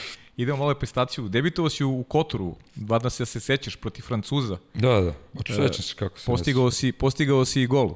Verujem da je to izazvalo sličan osjećaj kao kada si onda svoje vremeno za Primorje pa znači, dao gol po Sinkoviću. Da, da, u to vreme znači. Znači, to je, za klinca to stvarno... Sad, iz ovog ugla, a, pa, do, da, go, nije go, ma isti džao. Da. Bitno da si tu i da si zaigrao, i, ali ono, kad si klinac, to stvarno znači. Ovaj, A nešto, da, ovaj, bio je peterac, no, ja sam ne peterac, stari četverac. Četverac, I to da. četverac onom zastavicom, onaj, aha, aha. Da, da, da. Plavo-bela, da. ona. Ovaj, bio četverac i išao neko tamo od starijih krenuo da šutira, a, ovaj, a Dudo Šimec tamo negde sa, pošto nije ovaj, prešao u napad, bio u odbrani tamo, i on je vikao tamo, ono, pusti malog, pusti malog, pusti malog. I ovaj bok me pogleda, kaže, šutira. Kao. I ništa, ja šutno dao go i on, to mi je bilo o, kao da sam o, olimpijadu svoju. Pa, Pa dobro, da, da, mislim, obojca smo iz te neke generacije koja, koja je rasla po sankcijama i e, koliko je bilo teško u to vreme osvojiti ono srebro u, u Sevilji 97. ili bronzu u Pertu 98. Post, pošto se propustilo dosta toga, izgubio se negde i u tim međunarodnim organizacijama negde uticaj. E, možda su te medalje bile i teže nego za osvojiti nego one koje su došle, koje su došle kasnije. Pa, pa nije bilo lako, naš. Mislim, evo, spomenuo si uticaj. Mislim da smo se mi borili, znači, za taj uticaj. Ovaj, mislim da nismo nikad došli u ravnoparan položaj sa nekim reprezentacijama, ali barem zadnjih, eto, 5-6 godina, 7, ne znam, ni ja, smo ovaj, ovaj, barem smo dobili, zadobili poštovanje. Uh mhm. -huh. Poštovanje. Ovaj, ali to je bila borba. Mislim, ja se sećam, mi smo 96. I bili smo, inače, ovaj, ja sam jedan od redkih reprezentativaca zajedno sa tom generacijom koja ovaj, reprezentativaca Srbije, stare Jugoslavije i tako dalje, koji ima zlato sa Evropskog B. Uh mhm. -huh. Jer to niko nije igrao. Uh -huh. Evropsko B niko nije igrao. A mi smo igrali Evropsko B da bi se kvalifikovali ovaj, na Evropsko prvenstvo. Jer sećam se, mi smo igrali to Evropsko B na Malti.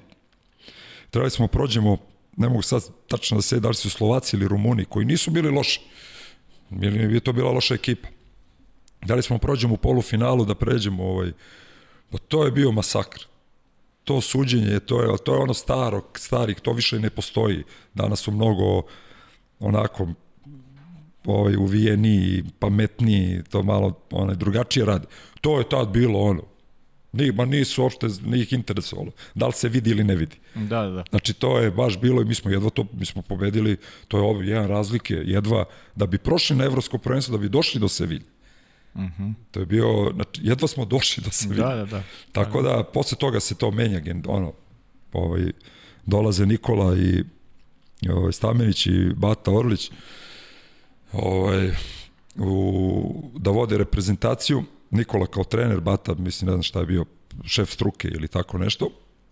I ovaj, ti stari igrači svi, ovaj, neki se ne odazivaju, neki nisu bili ni pozvani, ostali smo mi ovako mlađi, došli su neki još mlađi od nas i ovaj, radili smo, ko konji smo radili od tri meseca za tu Sevilju, nismo ni znali čemu možemo da se nadamo, specifično neko takmičenje, vjerojatno zato što je bilo mnogo vruće, te preduvane lopte, topao bazen, pa su i ti rezultati bili generalno i bile su jače odbrane nego napad čitavo takmičenje. Mm -hmm. I onda smo mi tu plivali dobro onako, ovaj, nismo mi to, mi nismo igrali nešto posebno, ali ono, mic po mic, ono, pa smo nešto, dobili smo Špance u produžetku, dobili Hrvate, ovaj, greškica jedna sudije bila onako, on teo da im pomogne, u stvari im odmogao, bila neka kontra, znaš, mi krene kontra da nas dobiju, on ne vidi da je kontra i svira neki izmišljen izbeč nekome koji nema pojma da ni ništa ni uradio. I ovaj i prekine im napad. Morali su da vrate loptu, ovo ono, mi se odbranimo to i posle mi damo go i to, to je to. I to je to. I dobijemo Hrvat. I ovaj onda ništa, to s Mađarima smo ono baš Da, ono 3-2 ono ukanalili skroz. Ovaj mi smo se ono odlučili da onaj kao onaj kako ono Murinjo, ono autobus kako autobus, parkir autobus, parkir autobus, a mi smo teli ali trebali smo da damo četiri gola, znači. Da. a dali smo dva. Niste mogli protiv Kašaša. A dali smo Kašaš, dva. Kašaš je da, razbio da, autobus. A dobro, to je taj takav sistem bio, znači, to da. je ovaj igralo se kao ono, svi su isti, znaš, i onda nam je taj Kaša šutirao kao što je šutirao i neki tamo drugi, neki recimo neki neki bek koji baš da, nije da. tako dobro šutirao, ali oni su šutirali i ovaj, imali isti broj šuta. Ali nema veze to. Ovaj. Uglavnom, ovaj, za nas ovo je izuzetno značajna medalja iz čega je sve došla, iz koje muke je došla u stvari. I ovaj moram kažem, ovaj, ta naša generacija ovaj, stvarno imala, ne ovi mlađi, to su posle došli, to su bili i, i, ovaj, i, i Čira i pa donekle i Šefik, e, Šapić, mm -hmm. koji su eto momci bili ovaj kasnije, oni nisu osetili te sankcije na način na koji smo osetili mi. Ovo što sam malo pre rekao, mi smo ovaj, recimo Trbović, ja smo mislim trebali da idemo na od tih, kažem, smo trebali da, da, da se takmičimo u Barceloni. Mm -hmm. De, 92. Da. 92.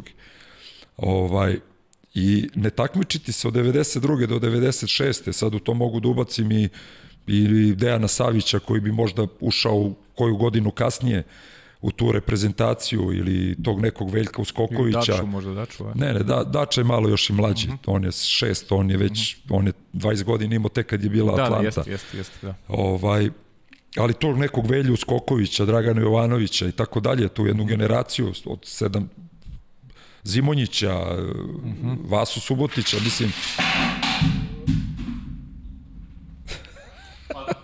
Pade lopta, dešava se, neće voda. Ništa je da radimo. Ništa, idemo dalje. Bacamo, da, da, radimo tehniku. Dodavat ćemo se. Radimo tehniku. Ništa, dešava se. Ove, ovaj, dosta je uticala, dosta je uticala i na razvoj igrača, na razvoj igrača uticala. Mnogi, mnogi su tu momci negde ovaj, se izgubili. Ono, imamo onaj Mogu ga spomenem, mislim, uh, Vlada Marković obećavao da, da, da. momak da bude novi Igor Milanović, mislim, on je nestao.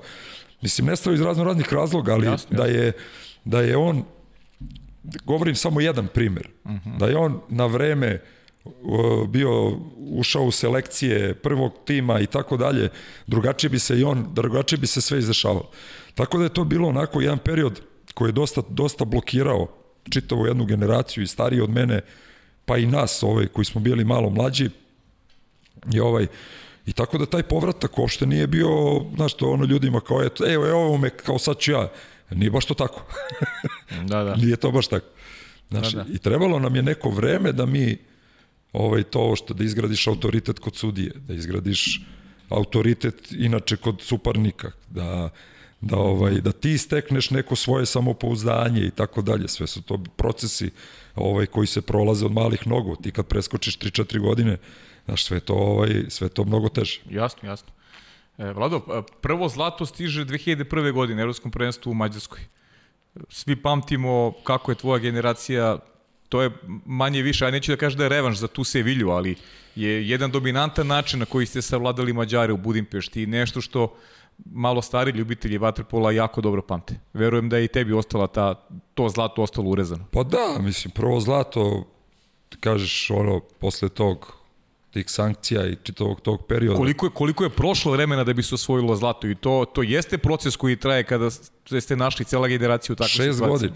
Da, da. Šest godina. Znači šest godina nam je trebalo do zlata.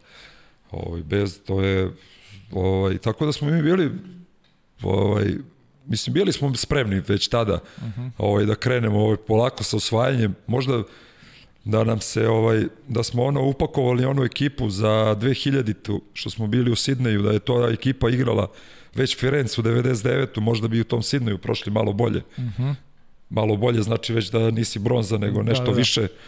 Ovaj tako da to sazrelo je to polako naš i ta 2001 je stvarno bila dobra za nas. Evo, kažeš, ovaj, dobili smo Mađare, uh mhm. -huh. ovaj, u, na dominantno, a Mađari su bili u grupi. mi, Mađare, mi smo Mađare u grupi dobili. Da, da. Znaš, to, a, svi pamte tu utakmicu. Jel jesu stvarno nam bili konkurenti najveći, najveći u čitavom tom jednom periodu. Ove, a, a posle smo dobili mi Hrvate u... A biš u Sidniju isto poraz od Mađara bio u polufinalu. Sidniju poraz od Mađara, Mađar, da. da. Da, da. I to onako, ono, tesno, tesno, tesno. Promenio je ovaj, majstor sporta ovaj, kako se zove, stade mi mozak, trener Mađara, Kemenji, Kemenji. Pro, promenio golmana, stavio je golmana koji nije branio do tada, ja mislim dva minuta za reprezentaciju, stavio ga je u finalu olimpijade poslednje dve četvrtine koji nam je sve odbranio. To je ta lucidnost, da, što da. bi se reklo, ili kocka, mislim. To, to u Sidneju bilo. Sidneju, nije ni bitno. Da, da. Nije ni bitno. Mm. Uglavnom, ovaj, znao je da nas iznenadi, ovaj, iznenadio se i u Atini. A, pričamo, to je posebno. Ovaj, bo, mislim, ne, ovo spominje ovo dalje. Znači, ali uglavnom, kad, kad ta 2001. bila izuzetno bitna za sve nas koji smo igrali i koji smo se vraćali sve te godine nazad, ovaj, da, ono, da stvarno, kako je rekao, imali smo mi neku našu uh, sad, taj neki igrački, da li je to igrački autoritet ili neko neki status igrački po klubovima koji se nikako nije poklapao sa tim srebrom, srebrom bronzom ili ispadanju je u Firenci u, u četvrt finalu i tako dalje. I, ovaj, I to je ono napokon ono leglo, kaže, evo, napokon smo osvojili nešto, mislim. Red je bio. Mm. E, pazi, te godine ide i Fukuoka. E, svetsko srebro. I nešto što ja posebno pamtim, a ne samo ja, nego dobio sam i pisma i pisma gledalaca, to je ono čuveno polufinale sa Rusima. Da. 8-8 finiš utakmice i onaj tvoj gol, onaj nisam smeo da pustim taj gol da gledamo zato što ne znam, otko znam, možda mogu da me tuže, nemam pojma. Ali je taj pogodak nešto što je urezano svima koji pamtimo eto i tu Fukuoku, Šta se Vlad odvija tad u glavi, ne znam koliko bilo, 6-7 sekundi pre kraja da onakim lobom pogodiš mrežu, ja ne znam kad sam vidio tako genijalan potez kao, kao taj u polufinalu svetskog prvenstva. Pa znaš šta, ovaj, mislim da bi ti svaki sportista rekao isto, znaš, to su, to je trening, znaš, vrlo jednostavno, da treniraš, to izvedeš na treningu ko zna koliko puta, uh, Pa ako igraš u rezonu treninga, to je, to je onda neki normalan proces ako si u rezonu na utakmici, ovaj, tako da si ti, kako, uh, situaciju si ti tu već video uh mhm. -huh. bezbroj puta i samo nekad si pogodio prečku, nekad ti golman odbranio, nekad si dao go, znaš, sad tu se potrefilo da je ovaj, taj Rus napravio stvarno onako, ono, ovaj, klinačku, ono, grešku, i ovaj, stvarno je stao u neku poziciju da nije mhm. mogao da brani. Kažem ti, ono, prepoznaš situaciju, uradiš u tom trenutku to što si naučio i to je to, mislim, nema tu da. sad neke, znaš, kao je, sad mi je, javilo mi se, znaš, nije mi se javilo, tako. znaš, ne, generalno za svaki potez, da li je to odbrana, da li je to napad, da li je igra na jedan na jedan, da li je to neki blok, da li je to je sve trening, to je sve reakcije normalne o kojima ti ne razmišljaš. Znaš, da. to, znaš ne razmišljaš ti o golu u poslednjoj sekundi mm -hmm. kad dođe ta situacija. Ti razmišljaš da reaguješ na, na, na novu nastalu situaciju Dobro, ali ti i to je to. Da, ti si neko ko je volao da pruzima odgovornost i 2006. u Beogradu protiv istih tih Mađara s kojima je tvoja generacija vodila mnogo žestokih dule, to je prvo, prvo samostalno takmičenje Srbije, Beograd, Punta Šmajdan, isto postižeš odlučujući pogodat za, za evropsko zlato. Nisi nikad bio gol, e, golgeter, nisi ti taj koji je u istorijskim knjigama upisan kao golgeter, ali si uvek voleo i preuzimao na sebe odgovornost u tim nekim ključnim momentima. Pa znaš kako, evo nisam, evo, možda prvi put pričam ovako, ovaj, da ti objasnim način razmišljanja mm -hmm. ovaj, koji sam imao. Znači, kako bih rekao, znači ti igraš u rezon, znači kako to ide sad, uh, kad si napadnut, baciš onome koji je slobodan, ako nisi napadnut, šutiraš, mm -hmm. I ako utakmica ide svojim tokom, to jest ono u scenariju koji je negde ono, koji je normalan, ti radiš to. I to je to. -hmm. Znači, to je ono, ovo što ti kažem, dodaš, op, znači sve kako ide. Kada vidiš da je ekipa, to, barem se ja tako, ovaj, tako sam ja uvijek ovaj, reagovao ili tako sam ono bio namešten, nemam pojma. Znači, kad vidiš da je ekipa stala, da. kad vidiš da ne ide jednom, ne ide drugom, da promašuju sa, kad su sami, da izrađene situacije ne možeš da pretvoriš u gol. E, onda to je situacija da isforsiraš nešto. Ja nisam bio igrač koji forsira. Ali sam u nekim situacijama forsirao. E sada, neka to izađe na dobro, nekad izađe na loše. Kad izađe na dobro, kaže, u, vidi ga, preuze odgovornost, vidi ga šmeker, kad treba on to, kad izađe na loše, kaže, u, vidi ga, siluje, naš, vidi ga, naš, tanka je linija. Ali govorim ti, znači, meni je rezon bio ovaj. Znači, ja sam, kad bih rekao, znači, kad god je neko sam baciš mu loptu, kad god si sam i kad treba da šutneš, šutneš. I to je, mislim, govorim ti uprošteno, mislim, okay, to jasno, milion, jasno, jasno. milion različitih situacija. Ali postoje trenuci kada ekipa malo zapne i kada ti tu negde da bi malo to eto razradio ovo ono nekad potrebno malo da da eto to što kažeš preuzmeš odgovornost ovaj tako da eto ja sam ono u tome nek, negde uvek igrao i to je išlo to išlo svojim putem Dobro, dobro. U tom slučaju uvek išlo dobrim putem, ovaj, tako da tako da skroman si ti malo, ali okej. Okay. E, 2005. godina i svetsko zlato u Montrealu, opet posle nekoliko neuspešnih pokušaja, sve to sad ono što smo pričali već, generacija koja je prosto bila primorana da sačeka neki svoj moment. To su neke godine kada ste vi imali vezano dobre rezultate, naravno vratit ćemo se na tu fatalnu Atinu, ali te 2005. godine konačno ste okačili i svetsko zlato na, na, na da, da. oko svojih... E, pa, znaš šta, dosta smo mi, ovaj, dosta smo lutali. Ovaj, uh -huh. Znaš, mnogo je tu bilo propuštenih, propuštenih prilika izuzetnih. Evo, spomenuo si tu Fukoku. Mi smo igrali protiv Španaca koji su mislili da ne mogu da nas dobiju 10 godina. Mislim, to su njihove reči. Pošto, ono, apropo, da. igrao sam u Barceloni, znao da, da, sam ih sve, pa smo pričali. Oni, recimo, do druge četvrt, do treće četvrtine u, u Fukoki nisu ni, ni mislili da će da nas dobiju. A onda su shvatili, kaže, čekaj malo, ako ovde sad, ovde nastavim da plivam, da ih gazim i ovo ono, pa možda i osvojim svetsko prvenstvo. Da, i, to je bio neki meč na mali broj golova, ako se ja dobro 4-2. Da. 4-2 su nas dobili. Mi smo se raspali tamo, raspali. Vruća voda, došli smo iz nekih priprema, neke kine, isceđeni, ono, a nikakvi. Ali da smo bili na pola neke forme iz, iz ovaj, Budimpešte koja je bila par nedelja ranije, mi bi osvojili to svetsko. Ali jednostavno nismo imali energije dovoljno. Da, da. Imali smo tu nesreću, nesreću, mislim sad to je onako, ali pa evo, sad su to i razdvojili. Mi smo imali, mi smo igrali iz leta, ovaj, mi smo igrali dupla, dupla takmičenja. Mi smo igrali u isto leto evropsko i svetsko, ovaj, pa smo bili u, kako se zove, osvojili smo zlato u Kranju na evropskom. Da, to su... Posle tri nedelje smo igrali Barcelonu svetsku. Mislim, to su bile nenormalne, ovaj, jest, jest. nenormalne situacije, tako da nam je dosta puta to svetsko skliznulo, ali baš ova, baš kao skliznulo zato što, kako bi ti rekao, imali smo sve, i atmosferu, i kvalitet, i, i igru, i sve što je bilo potrebno, i nešto bi nam zasmetalo. Mm -hmm. da li je to, da li smo bili isceđeni u Fukoki, da li smo bili nervozni u, u ovoj, kako se zove, Barceloni, ovaj, protiv Italijana, to polufinale, katastrofa, bili smo njih bolji 10 golova, ne možeš da dobiješ. Ovaj, ili smo posle u Melbourneu ovaj, ono, raspali se kompletno ovaj, protiv Hrvata u polufinalu. Znaš, uvijek je bilo nešto, ovaj, onako, ono, kad gledaš ovako unazad, ne nekog velikog razloga, znaš.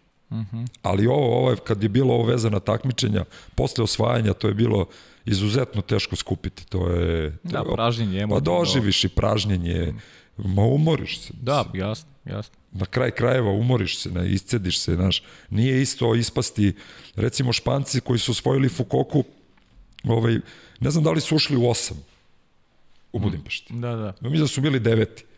Da, da. Oni su ispali, oni su izgubili od nas u grupi lagano, onda su izgubili još nešto, onda su oni to pustili, došli u Fukoku, igrali grupu, ovaj, pošto smo svi najjači bili u istoj grupi, a oni su igrali grupu sa ono, nekim ekipama on, koji nisu mogli ni, ništa, oni su došli sveži, mi došli razvaljeni i oni nas dobili. Mislim, to nema tu... Da, da. I niko se nije ponovio. To kad se igralo, to niko nije uzeo jedno i drugo. Jedno i drugo. Nemoguće. Da. Pa mislim uspeh je bio naravno veliki uz, uzimati medalje uopšte, a pa da, ne recimo mi smo zlata. recimo viš mi smo dobili u u Kranju mi smo dobili Hrvate za u finalu. Uh -huh. Hrvati ja mislim u, na na ovom u Barseloni na svetskom ne znam da koji su bili, ja mislim da neće neće ni oni ušli u osam. Da, da.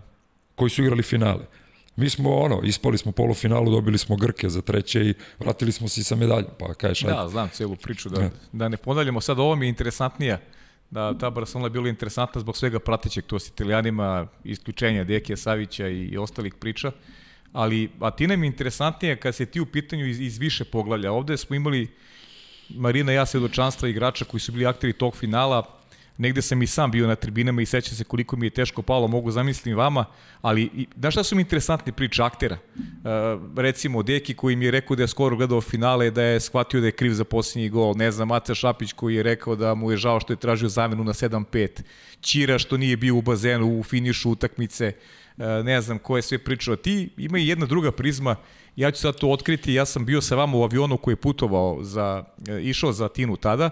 Ja sećam da si ti u avionu još imao probleme zdravstvene, kamen u bubregu, ja ne znam, ja ne znam uopšte kako si ti igrao uopšte tu, te olimpijske Pa prošlo me to, ne. Ja sam prošlo, imao, ma ne, na šta, ja sam dobio to, viš šta je, šta je život, ono, znaš, spremaš se za neko takmičenje ceo život, pošto ta, uh, Sidney je bio onako, rekao sam ti, jedna, ono, jedna ekipa, pa dolazi drugi, pa novi trener, pa sve to bilo onako malo zbrdo z dola. Ali ovaj Atina je već bila nekako usmerena generacijski ono idemo znači ono mi između na ono između nas je bilo idemo osvajamo. Da, da. idemo osvajamo to je bilo ono gotovo. Znači idemo osvajamo gotova priča. I ovaj kako to u životu ovaj biva istreniraš dobro spremiš se ono kako treba. I dan pred put ovaj krene da me boli ono nešto padam u nesvest ne mogu da stojim povraća mi se povraćam u stvari, izvinjavam se. Uh mhm. -huh. Preko šta je ovo, kada je tamo ono urgentni, kaže imaš kamen neki, pesak neki u bubregu, kaže što treba da ti izađe. Ja ništa zovem, ko je Nenu. Rekao, Neno, rekao, izbacit ću ja ovo, nemoj, ono, nemoj da me izbacuješ, iz, ono, izbacit ću ja ovo, da. nemoj ti mene. I ništa, ja krenem to, katastrofa, sedam dana, pakao, muka živa. Ne, nije sedam, izvini, pet dana. Pa imao si avion, se sjećam da si u avionu imao još problem, da? Ne, ne, u avionu kad smo išli za... Za Atinu. Za Atinu sam bio u komi potpuno. Da, da. Znači u koma. To, ono, bio sam, povraćao sam dva, tri puta do Atine. Ovaj, I došao tamo i onda sam ovaj, nisam trenirao, nego sam, ono, išao sam kod ovih, uh, ovaj, lekara naših, ovaj, davali su mi neke infuzije, pa sam nešto skakao. Bili smo ono u nekom imali smo ono tri sprata, smešteni tri sprata plus neko, neko ovaj, neki podrum, pa to je bilo nekih 4-5 spratova, pa sam išao gore liftom, a nazad sam ska, skakutao ono, sa stepenika na stepenik, pa sam ujutro išao rano, pa sam trčkarao okolo pod bolovima, da to, pošto mi rekli da što više treseš, da, da, da. to će pre, to će pre da, ovaj, da izađe i stvarno izašlo, ovaj, mi smo došli tamo, ja ne mogu sad baš te dane da pono, recimo došli smo utorak, a trebali smo da igramo u nedelju, ja sam bio u subotu, u subotu više nisam imao, nije me bolelo i rekao ajde idemo da na, ovaj, na ultrazvuk. I otišao sam sa lekarem našim ovaj, ovaj, i stvarno to izašlo, samo imao sam problem što sam bio, pošto to dobiješ onaj prestanu da ti rade creva, da, da. znači ono, apsolutno si ono, ja sam dobio, stao sam na vagu, imao sam za 5 dana, dobio sam 5 kila tečnosti, to je tečnost neka mm. koja se skupi, sećam se kad sam skočio u bazen, znači to je bila recimo subota veče, a u nedelju igramo utakmicu, mislim da su već bili Rusi, neki, mm -hmm. prvo kolo, ili Mađari možda čak prvo kolo. Mislim da su Mađari prvo kolo bili. Već, znači već sutrano treba, je skočimo, je tonem, tonem, ne mogu, ne mogu, uopšte ne mogu na, na, na površini vode da Rekao, kako ću igram sutra, znaš, ono, nikom ništa ne pričam, ono, malo se okupam, prespavam sutra ujutro, ono, malo manje sam ovaj, tonuo, i uveče, ono, izdržao sam, ne znam koliko sam igrao, četvrtinu i po, ne znam koliko me ne nastavljao, ovaj, ali sam odigrao te Mađari i onda to krenulo. Polako, vraćao sam se u život i oporavljao toku takmičenja, znaš, to, ovaj, ali ono, kako, da li je posledica, da li ti ostavi, ne ostavi, nemam pojma, razumeš, ono, ja sam imao ogromnu jednu želju da se vratim ovaj, i takmičarski i kako god, ono, okreneš i, ono, mislim da sam uspeo na neki način i ovaj, da odigram to, ovaj, ne na nivou onom na kojem sam možda mogao, ali on, odigrao sam ono, koliko je mogu, u tom trenutku moglo. A finale? A finale, mislim šta ti kažem, ovaj, finale, uh, možda gledaš iz milion uglova, sad ti rekao Čira, bio sam na klupi, nisam rekao, ja sam, kad sam izašao, pitao Ćirića, Ćiriću kad si dobio treću ličnu, pošto sam znao za Petrovu, ovaj, on mi kaže, ne, ne, imao sam dve, ja rekao, jao, majk, što ne reče neko, razumijem, zato što je, ovaj, sam ja bio, ja sam završavao dva puta na tom nezgodnom krilu, pa čak sam i šutno jedno što mi Kašaš izblokirao sa 3 metra od mene, bio na nekoj strani, nisam ga ni video, jedan igrač više, ovaj, opet to naš, skupilo se nešto i jednostavno nismo, nismo prošli, ne bi ja ovaj nešto mnogo tu dramio, ovaj, ja sam, kako bi ti rekao, ovaj, pošto je dosta prošlo od toga, i ovaj, ja sam, mislim da sam i napredovao malo kao čovek, ovaj, kao persona, znaš, i, ovaj, i malo sam se ja malo izmirio, znaš, znaš iz, ne, iz, ono, ne pomirio, nego izmirio je sa svim tim dešavanjima u tom nekom periodu mm -hmm. života i sa tim utakmicama i tim željama i tim porazima i pobedama i ono, nekako sam se ono, ovaj, nekako to sve stalo nekako na svoje mesto, znaš, i, i uopšte nemam, kako bi ti rekao, jesam, priznajem, imao sam jedan duži period, znači izuzetno jednu, jednu kako bi ti rekao, kad god bi pomislio na tu Atinu, neka, nešto loše, znaš, mm. nešto kao bilo. A sad veruj mi, znači ja kad pomislim na Atinu, ja, sad, ja sam to negde preradio da to bude nešto lepo, da. razumeš? A možda gledaš utakmicu sada recimo? Mo, bez problema. Da, da. Da, da, bez problema, znaš, uopšte nemam više taj, mm -hmm. na, ovaj, i sad recimo, uh, nismo došli do, do, ovaj, do Pekinga. E, to ste da te pitam, da li su Peking i Sidney bili veće šanse iz tvoje prizme ili ta Atina zbog toga što je pamtimo po tom nesrećnom porazu? Ne, ne, gledaj, recimo, Kaži. sad dođemo do Pekinga. Sad, jeste ovo bilo finale i imali smo i dobijenu utakmicu, izgubili smo i ono, katastrofa. A meni ovako sad kad realno pogledaš, uh mhm. -huh. znači realno najteži poraz u karijeri bi trebao da im bude protiv Amerikanaca. Polufinale. Polufinale. Zašto? Zato što mi smo gubili Atinu od Mađara u finalu, gubili smo Sidney od Mađara, od Mađara u polufinalu. Ljudi, to su to je ekipa koja je osvojila tri zlatne olimpijade u komadu. Osvojili su još, ne znam, jedno, dva, jedno svetsko i ne znam koliko evropskih ovaj, majstori sporta majstori sporta, mislim, njih šestorica je učestvovalo u svim tim medaljama, uh mhm. -huh. šestorica, ne dvojica, ne jedan šestorica. Trener izuzetan, vodio ih je jedan te isti čovek. Mislim, kako je rekao, To je konkurencija. Izgubio si od ravnog sebi ili boljeg od sebe, je li tako? Uh mhm. -huh.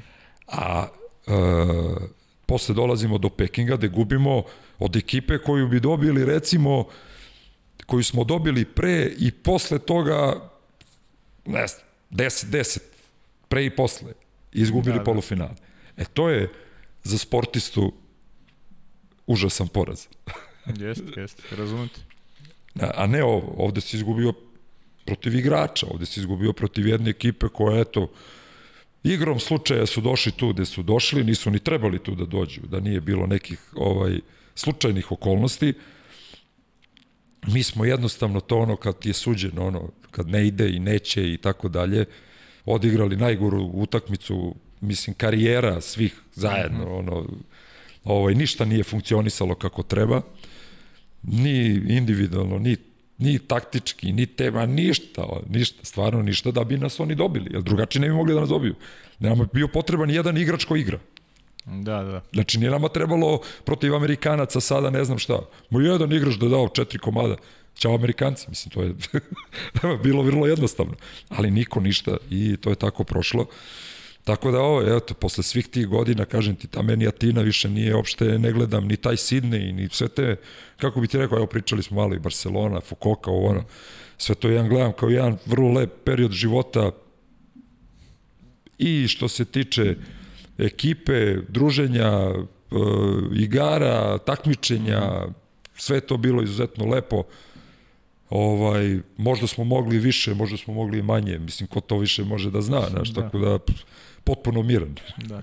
E, dobro, za, za, onako, sad zaokružili smo jednu epoku, da kažem, tu igračku, za razliku od mnogih iz tvoje generacije koji su se neko povukli iz sveta Waterpola, ti si ostao i dalje u Waterpolu, ostao si da to što si naučio da prenosiš na, na mlade, što je svako sjajno što postoje, ljudi poput tebe i Dejana Savić i svih vas koji ste bili vrhunski igrači koji sada to neko svoje iskustvo prenosite na ove mlađe generacije i ta trenerska karijera koja je počela u Partizanu. Znam dobro da Partizan i tada nije bio, nije najbolje stajao, da si ti nekim svojim autoritetom stajao i onako ime kluba i držao si negde i te momke, tri šampionske titule, negde i Duša Mandić kojim si igrao, negde i stasavao uz tebe. E, pa Partizan je uspevao da održi taj, da kažem, nivo rezultata, kada su rezultati u pitanju, ali e, verujem da sve ostalo negde uticalo na tebe da da ta saradnja ne potraje možda i duže, već da Partizan u nekom momentu zameniš opet sa tvojim bivšim klubom Prorekom. Pa, znaš, aj krenemo od početka. Znači, uh, znaš kako, ja sam hteo da ostanem u Waterpolu, to sigurno. Ovaj, uh mhm. -huh. ono, sad, nešto više sam bio nešto za neku kancelariju malo da se smirim i tako dalje, pošto sam dugo igrao, pa to mi nekako bilo onako ovaj, neka ovaj, lepša varijanta o, o, sporta. Međutim, Igor je imao svoje ove probleme ovaj, lične i nažalost i nije mogao više da vodi prvi tim Partizana i ovaj oni Šoštar su došli do ovaj ono do ideje da mi da pričaju sa mnom da li bi ovaj preuzeo prvi tim kako bi ti rekao ovaj iz mog odrastanja i sve ono što je Partizan uradio pre toga i sve to što je značio za nas, taj Partizan, i dok sam igrao protiv njega i kad sam igrao za njega, ovaj, kako bi, te, te stvari se ne odbijaju, znaš, to je ono, što kaže, ideš protiv Boga, znaš, ne, znaš, tako da, ovaj, znaš, kad su mi ponudili to, ovaj, tako dobro, kancelariju mogu i mogu i kasnije, znači, ono, Ovo što kaže, ono, voleli su me treneri što sam bio trener u vodi, kada ja da vidim kako to sad malo s ove strane. Da, da. Nije isto. I ovaj, da. Definitivno nije isto. Da, nije isto. I ovaj, I tako sam ja krenuo, ovaj, nisam, nisam ja to imao sad nešto, ovaj, nisi ja tu nešto spremao, ovaj, tako dalje. Ovaj, dosta toga sam, mislim, stvarno sam prošao gomilu trenera, uh, ovaj, izuzetnih ovaj, stručnjaka i ljudi i, i različitih mentaliteta ljudi i različitih tipova i tako dalje. Tako da me ovaj, negde mi to, naš, ako mislim da sam skupio dosta tog nekog iskustva ovaj, koje sam mogao da prenesem. Ovaj. Nadam se da sam da i prenosim, mislim, i dan danas. Ovaj. Tako da, ono, krenuo sam tim putem, ovaj, svidelo mi se, mogu, ono, stvarno mi se svidelo od prvog dana, kad sam počeo to da radim, I evo, još uvijek to sad traje, ovaj, traje, mislim da će traje još, još neko vreme, ovaj, dok god me snaga što služi, što bi se reklo. Pa jeste, znaš, ne, možeš protiv prirode, ovaj, kako se umaraš, mislim, ako ti ono jedva radiš i ako ti nije do toga da. batali, mislim, nema to šta, mislim, to su jednostavne stvari. Ovaj, dok me ovaj, služi ova energija koju imam i dok mogu da budem posvećen tome, ovaj, tu sam, ovaj, pa ono, kako kažu, malo si gore, malo dole, ali radiš svoj posao, da. znaš. Da. Ovaj, I šta mi je ovaj, vezano za, za taj trenerski deo, ovaj, pokojni Nena, ovaj, vrlo brzo me zvao, ovaj, on je bio tada šef stručnog saveta ovaj, u Savezu, uh mhm. -huh. vrlo brzo me zvao, i, ono, i ponudio mi odmah i ugovor ovaj, da radim sa mlađim selekcijama. Ovaj, odmah sledeće leto me uključio u rad tih najstarijih juniora i u principu i dobro je to i pošto mislim da ni za mlađe nisam ni dan danas, mislim ovaj, sad, da radim s klincima od 14-15 godina, to je jedna pot, potpuno jedna druga dimenzija. Ali mi leže ovi, ovi stariji, ovi ovako malo, mm -hmm. ovi što treba da prođu kroz, što bi se reklo, sito i rešet. Ovaj, i, I to je ono, hvala mu, ono što, što je prepozno, ovaj, da, ovaj, tako da sam, tu sam krenuo i sa, ovaj, sa tim mlađim selekcijama, uh, pet godina sam radio ovaj, sa, sa juniorima, ovaj, to stvarno, i to onako, to su bila cela leta, znači to je bilo, to su po tri meseca ovaj, bile i pripreme i rad i one, tu se, bilo tu prošlo i mnogo dece, ovaj, tih, to su generacije neke od 93. do 99. recimo, mm -hmm. neki igrači koji su tu prolazili, Ovaj, od 2014. sam počeo, ovaj, sam dolazio i nova takmičenja ovih prvotimaca, ovaj, da pomažem ovaj, stručnom štabu, ovaj, da imaju još jedan, ovaj, još jedne oči, što bi se reklo, par da. očiju. I ovaj, od 14. sam tako počeo i sa, ovaj, da budem i sa, i sa reprezentacijom i to onda ide svoj put. Mislim, mm -hmm. to onda, ovaj... E, kako je, kako je sarađivati sa, sa Dekim? Ajme, pusti mi ovaj video, Vanja, e, prvi, molim te. Apropo te saradnje sa A podsjeti me samo da ti kažem za Partizan, Hoću, zbog čega sam... Obavezno, zbog obavezno. Čega sam, I Partizan i rekao ćemo pričati. Zbog čega sam otišao. Sad jesam. Jesam, a? Ajde da pozdravimo jednog mog nosatog lepog druga Vladu i da ga pitamo kako je to biti u koži Vlade Vujasinovića? to je bilo, ovo je bilo pre dva dana. Si znao da si im pošaljao? Jeste, rekao. Yes. I ti rekao? Rekao, rekao mi na kraju. Ne, što sam pogledao, rekao šta radiš, čoveče. Kaže, evo, ovo, ovo, ovo ti je pitanje. Moram da govorim. Pa, normalno, pa mora da govoriš svom saradniku. A sad odmah, ili ćemo Sa... po, o Partizanu? Ajde, Partizan, pa posle. Pa posle ćemo, ajde. ajde. ajde, ajde. Šta se da ti kaže, znači ja sam ono, meni stvarno ono, svidelo mi se dosta i ta reprezentacija i klinci i sve to bilo onako kako treba. Međutim, kako ušli smo u besparicu jednu, ovaj, totalitarnu da. besparicu klubu, Ovaj, stvarno se sastavljao kraj s kraja, treneri nisu imali plate, ovaj, igrači ovaj, isto tako, ali to su ono, to su više mesečna, ono maltene godišnja kašnjenja bila. I ovaj, I mene zvao, mislim, ja kad sam postao trener Partizana, to je 2012. godina, ovaj, već te 12. me zvao Volpi da dođem u reku. Mm -hmm. Ja sam, ono, ono, imali smo neki odnos, ono, neki normalan, šta ja znam. I oni tu negde vide u meni ono, nešto što treba da ima. Uh mhm. -huh. Kako to, kako da se izrazim. I ovaj, ja sam ga odbio 12. pa sam ga odbio 13. I ovaj, mislim, odbio u smislu, rekao su, ono, kao, imam ovde, vezan sam savez, partizan, još uvijek i učim posao i tako dalje, nisam, ovaj, sad, ne trebate, nek bude to neko drugi, tako dalje.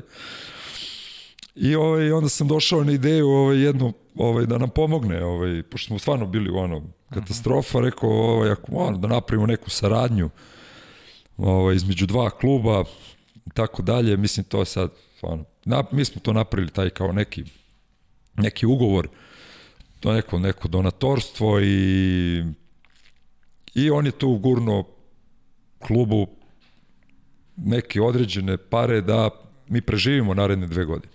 Uh -huh. Kako to ide u poslovnom svetu? Posle dve godine, kad me okrenuo, rekao, Vlado, aj sad ti malo vrati. Da. vrati uslugu. Ovaj, ja sam znao da bez tih para, mislim, realno ne, ono, opstanak je bio izuzetno, ovaj, izuzetno zeznut, evo vidite, evo, i, vidi se, vidi se kako se to završilo. Ovaj, i, a i bio je red na kraj krajeva i tako sam ja ovaj, otišao za reku, mislim, mislim ja uopšte ono, mislim ja sad nešto bio ono, izuzetna mi je bila i čast i stvarno sam uživao dve godine, ono to ne mogu da opišem uopšte, ovaj, koje je to zadovoljstvo raditi sa tim šampionima, ali kako mi je duga bila karijera i ta igračka i dosta sam bio ja na polju, mislim, ovaj, to je sve zajedno bilo nekih 13 godina i leta sam provodio van kuće, zato što su bile pripreme duge, uh -huh. reprezentativne, pa takmičenje i tako dalje. Negde me prijalo da budem u svojoj kući, ono, uh -huh. da imam svoj krevet, da imam, ne znam, ono, svoje, ono, svoje, svoje stvari, neku, nemam da. pojma.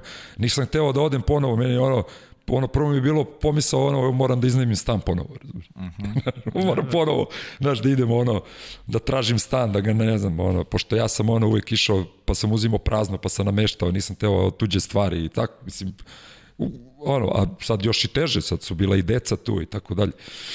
Tako da sam ono jedva ja to nekako ono prelomio da ovaj da ovaj da krenem. Moram da priznam da sam uživao dve godine uh -huh. stvarno uživao završilo se tako kao što se završilo, tu neću uopšte da ulazim i ono, kao i što ovo što kažeš za, za ovo što smo pričali za Tinu, mislim, da, bilo da. mi je lepo, ono, i to je to. Jasno, da. jasno. Jedino mi je žao što sam, ono, napravio sam problem malo deci, naš, jer sam mislio da će bude malo duže, pa ono, čerka krenula prvi osnovne, nije znala jezik, pa to je bila borba. I izborila se ono, baš lepo i onako, i druge godine baš bilo, njoj je bilo odlično, Sim je završavao pa oni imaju peti srednji, on, nemaju četiri, pet, mm -hmm. znaš, završavao tamo srednju školu, imao državni ispit, znaš, na italijanskom, što nije baš jednostavna mm. stvar. I ono, ali dobro, sve to prošlo, znaš, ono, ako ništa, eto, ostavi mi je jezik, ostala ta neka škola, pa idemo dalje, znaš, nije to, ovaj... Tako je, tako je. E, Vlado, dugo si uz, uz reprezentaciju, naravno, sa Dejanom Savićem pričali smo, ostao si mi duže, možemo na kraju, kad budu bilo i pitanja gledalaca, približamo se malo i u tom momentu. Kako vidiš ti reprezentaciju sada kada, kada ovi akteri e, siđu sa scene? Pitanje je da ćemo imati olimpijske igre sada u, u Tokiju, naravno, zavisi od, od ove nenormalne situacije, u nenormalnog vremena u kome živimo. Kako vidiš budućnost srpskog vaterpola? E, da li možda se ponovi Rim iz 2009. godine kada je ona ova aktualna generacija otišla tamo sa da ih niko nije ispratio, doneli su zlato i ostalo je, ostalo je legenda. Da li ima potencijala i dalje u srpskom vaterpolu da ostane na, da ostane na svetskom vrhu? A znaš kako, ovaj, teško, teško, izuzetno teško pitanje. Uh mhm. -huh. Stvarno teško pitanje. Znači, ovaj, I nije lako, mislim, teško pitanje zato što nije lako odgovoriti, nije lako odgovoriti u, možda treba 2-3 sata da se, ovaj, da se izjasniš na pravi način.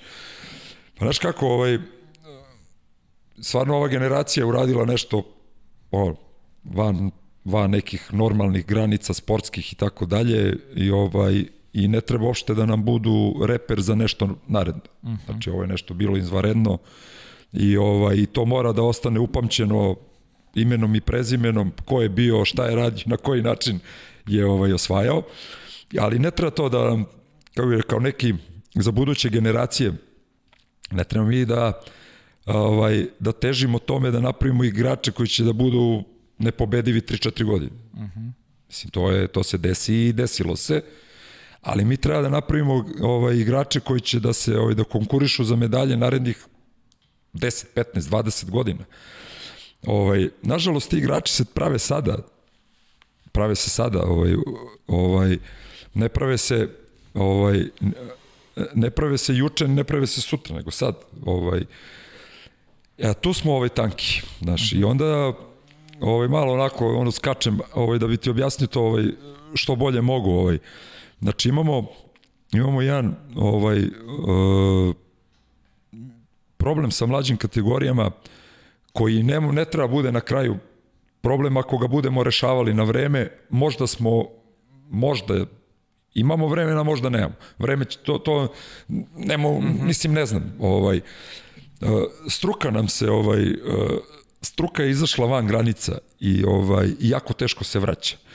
Ja imam ogroman broj trenera koji radi po po svetu, ogroman broj odličnih stručnjaka koji je nekada radilo sa radio ovaj, sa našom sa našom decom.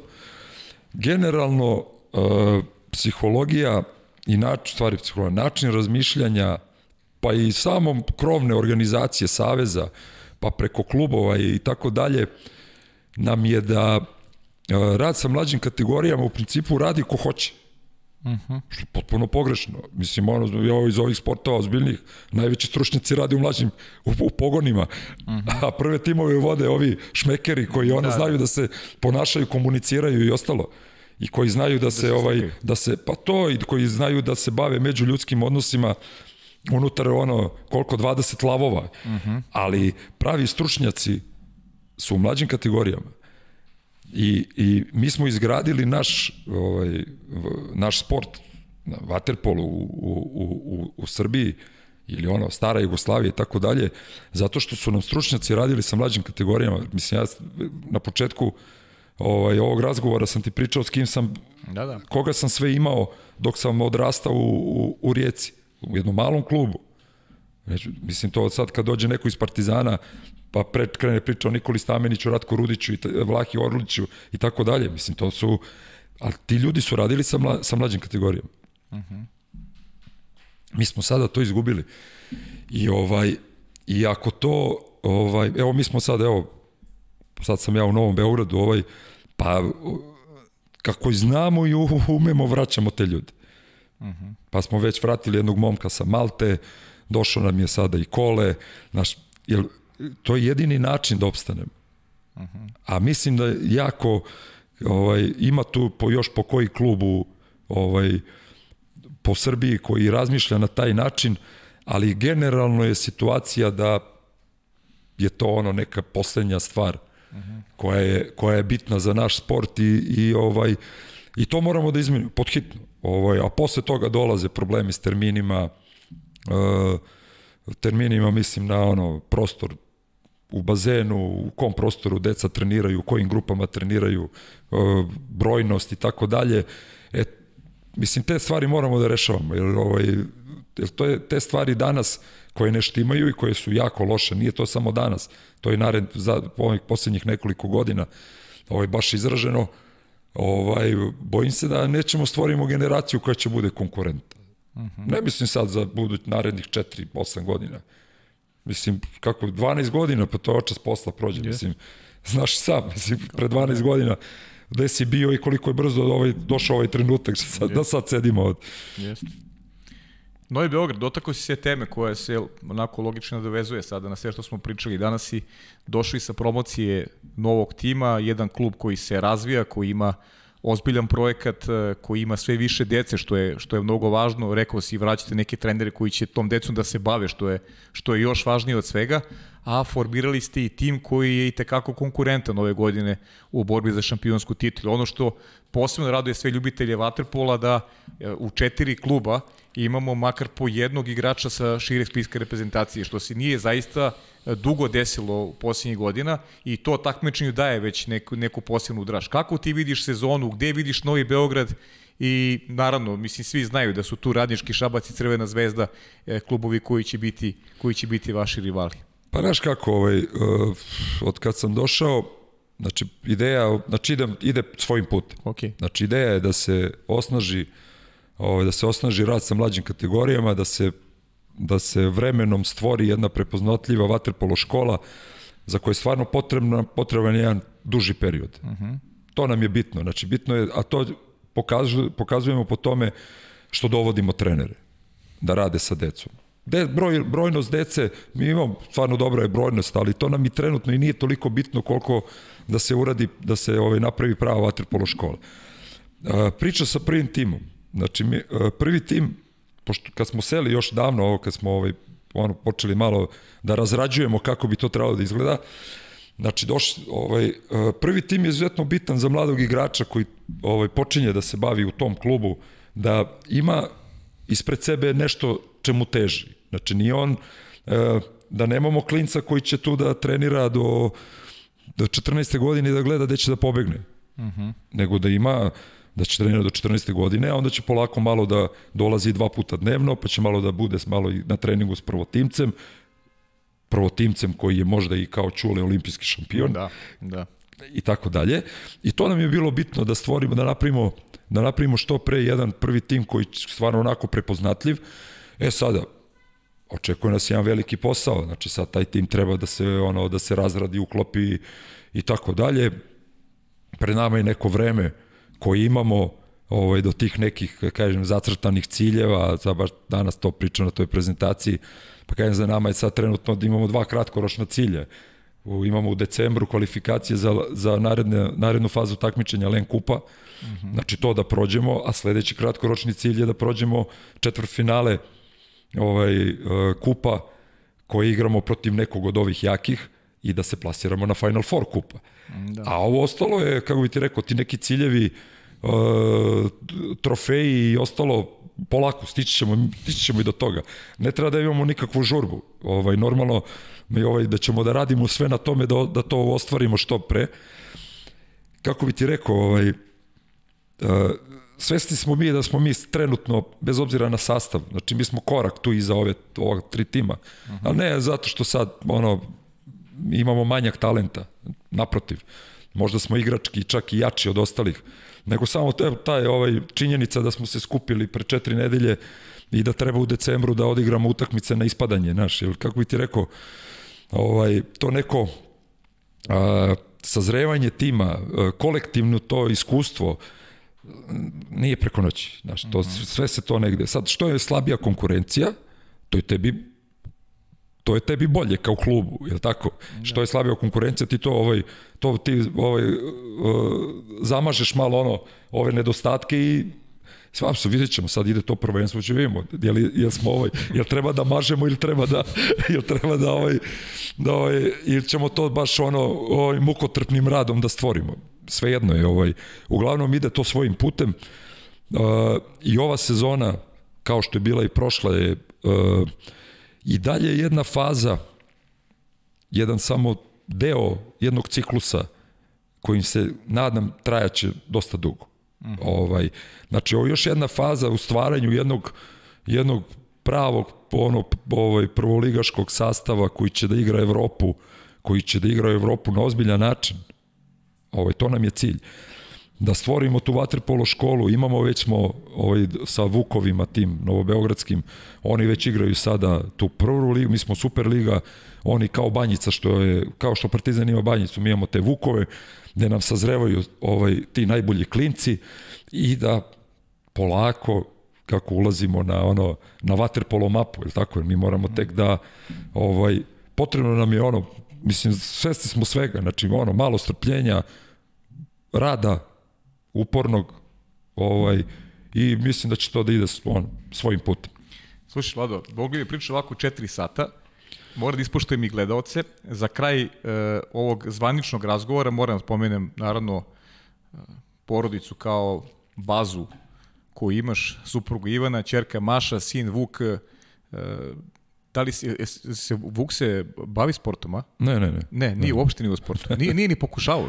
ne, ne, trenirao malo, ali nije on bio... Trenirao, da, da, da, nije, nije, on, nije, nije taj tip. Nije taj tip, nije pa ne. Tip. Prepoznat je odmah od, od struke, od struke, od struke prepoznat. Da nije i onda je ovaj pušten. I odvuče na drugu stranu. Pušteno, da. O, pušten na drugu stranu. Da, da. Dobro, mislim, ono, eto, čisto da pozdravi njima, veliki i ovaj, ajde da, da ispoštujemo ove gledalce, zaista je bilo mnogo poruka i da probam da, budem, da probamo da budemo koncizni. E, pričao si već o tome kako vidiš stanje u srpskom vaterpolu, da sad ne idemo stanje u Partizanu takođe, rekao si da se nadaš da će to da bude. Pa evo, danas sam isto, da, ovaj, baš dao neku izjavu za Tanju, ovaj, uh mhm. -huh. da želim im svu sreću, uh mhm. -huh da istrpe sve ono što će da udare leva, leva, s leva i desna i od ozgoja dozdo. Da. Ovaj, da, za, pričam za sad za ove, za, za momke koji su ono mm. da stavili svoje ime i prezime ovaj, da bi ovaj, oporavili klub. Ovaj, neću da se vraćam unazad ko, zašto i zbog čega, bilo pa prošlo eto samo oni da ovaj da istraju i da ono vrate Partizan. Ne mora to da bude ni sledeće godine ni za dve godine, ali u narednu neku 5-6 godina da taj Partizan ponovo prodiše i da da imamo i dalje ono M ovaj jednog izuzet jednu izuzetno vaterpolo školu na domaćoj sceni, izuzetno vaterpolo školu koja nam drži ovaj ovaj reprezentativni vaterpolo i da imamo predstavnika u Evropi koji se zove Partizan. Mislim ni jedan klub ne može biti ni blizu prepoznatljiv kao što je Partizan u, u svetskom vaterpolu. Milan pita koje ti najdeži individualno priznanje? Pa, pa, pa možda ovaj rekao ono, da jeste rekao to on,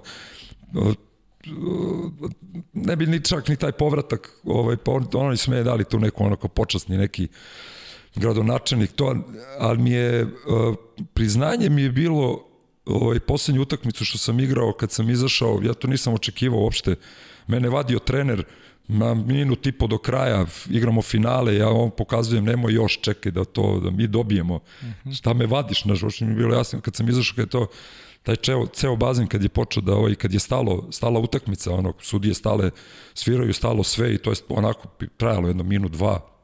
Ja sam stvarno ostao onako, ono. Nisam očekivao, ni sam ja radio na tome. Kad, znaš, kad čovjek radi na nečemu. da, da. Ne, ono, igrao sam ono, stvarno sam ono, ja za svaki klub što sam igrao davo ono milion posto ako je to moguće, a nije. Ovaj, ovaj, stvarno ono, ponašao se normalno, e, nisam se ja ni družio s tim ljudima, nešto, ovaj, družili smo mi ono, kao ekipa i tako dalje, ali me, nešto su prepoznali u, u tih sedam godina i to mi je to ono. Bitnije nego sve ovo ostalo, ovaj, ta neka proglašenja i to, mislim, to je Pa. Dobro, inače da bio je, vlada je bio proglašen iz najboljih igrača sveta, naravno, i, i bilo tu mnogo priznanja. E, pita, pita Ivana, Uh, ko je najbolji igrač svih vremena? Teško pitanje. O ne znam, mislim, najbolji igrač svih vremena prvo što generacijski smo razdvojeni skroz i to je nemoguće, to je nemoguće mm. pitanje. A ovaj, ja kad bi ovako morao da izdvojim uh, od kad sam ja mhm. -huh. kažem počeo da igram, pa evo sad ovaj što sam trener, ja bi ovu šestorku iz ovaj šestorku tri olimpijske ovaj ovih Mađara. Uh -huh. Uh, ajmo vanje drugi video, molim te, pošto je to i pitanje u suštini koje imamo i ovde.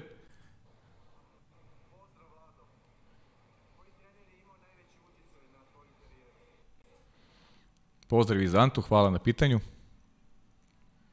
Da. Pa znaš šta, ne, ne, ne znam kako da da ovaj teško teško ovaj izdvojiti jednog, ovaj spominjao, spominjao sam Esteljera Pa spominjao sam ove, sve ove što sam spominjao, ove, ove ljude koji su radili sa mnom u Primorju, to je s nama, ovaj, pa i Nikolu Stamenića, Nenu Manojlovića, pa Dejanu Udovičića, pa, a, pa sve te Italijane koje sam imao, ovaj, to sve, kažem, svaki od njih nešto ti. Prenese. Ovaj, imao sam sreću, sreću, pa da, malo, ono, malo i zbog ovaj kvaliteta, a ima tu ovaj sreće dosta, ovaj što sam stvarno igrao uvijek u vrhunskim timovima, da. I ovaj kako to u vrhunskim timovima obično se potrefi da je vrhunski trener. tako da tako da je to ovaj eto, ovaj, pa sam mnogo stvarno prošao ovaj Uh, tako da eto, da odgovorim, evo, sve te ljude koje sam sad spomenuo, mori, verovatno sam nekog i zaboravio, Peru Porobića recimo i uh. -huh. tako da mislim stvarno bilo ih je ovaj i žao mi je ovaj da se ne ljuti niko. Ako bude gledao i kaže ne i, i ti si. da ti kažem, u sledećoj emisiji a pravit ćemo, pričat ćemo ponovo, samo mi bećeš da ćeš doći, do, do, još ćemo nekih tema da se dotaknemo koji nismo danas stikli. E, samo ti, evo, da ti kažem jednu stvar. Znači imaš, ovaj, apropo trenere, igrao sam u Fluminense u, u Brazilu, da, dva znam, kupa. Da, Brazilu i na Mati si igrao, da. Da, da, igrao sam dva kupa u tom Fluminensu, odličan jedan ovaj, čovek koji me doveo tamo ovaj, i sad recimo šta je trener? Sve ja došao, ono, ono, kažeš ovo što sam pričao, sad igraš malo u rezonu, znaš, pa sad ti onaj sam ispred gola, ti mu baciš loptu, on promaši, znaš, pa ti ovaj, sad dolazi posle prve četvrtine, to je, to taj, taj njihov kup se igra turnirski i to je sad prva utakmica, posle prve četvrtine on mene zove, kaže, znači, kaže, kaže ovako, Kaže, nisam te doveo da bacaš loptu.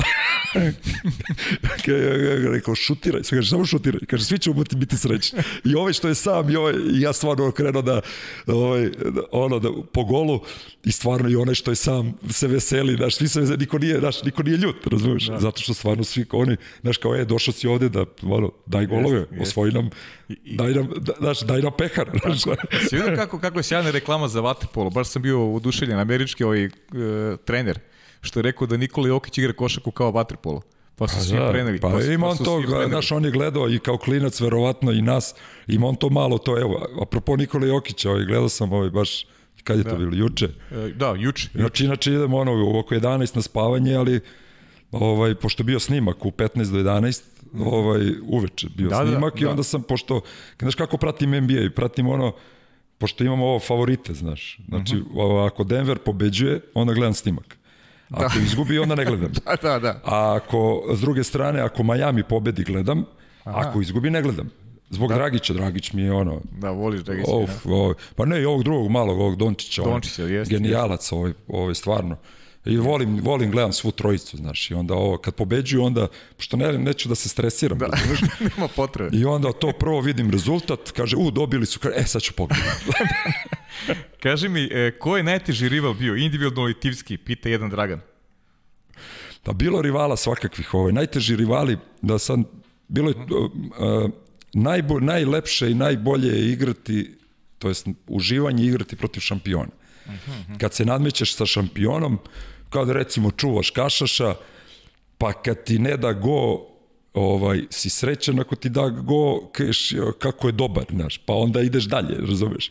Da. A najgore je bilo igrati protiv, protiv igrača, ali to mogu svi da ti potvrde, ovi, kogod se bavio vaterpolom, igrao na normalan način, Najgore je bilo igrati protiv igrača koji nisu igrali vaterpolo, nego su ovaj ulazili u igru samo da te isprovociraju, da se biju, kojih nije zanimala lopta, bilo je takvih dosta, ima ih i dan danas ovaj, do duše, a s njima je bilo jako teško igrati. Onda si ti morao da, da bi ušao s njima u, u ovaj, to jest da bi preživeo utakmicu, morao si da se biješ. Kad kreneš njima da se biješ, to nema više, da, to je jako teško.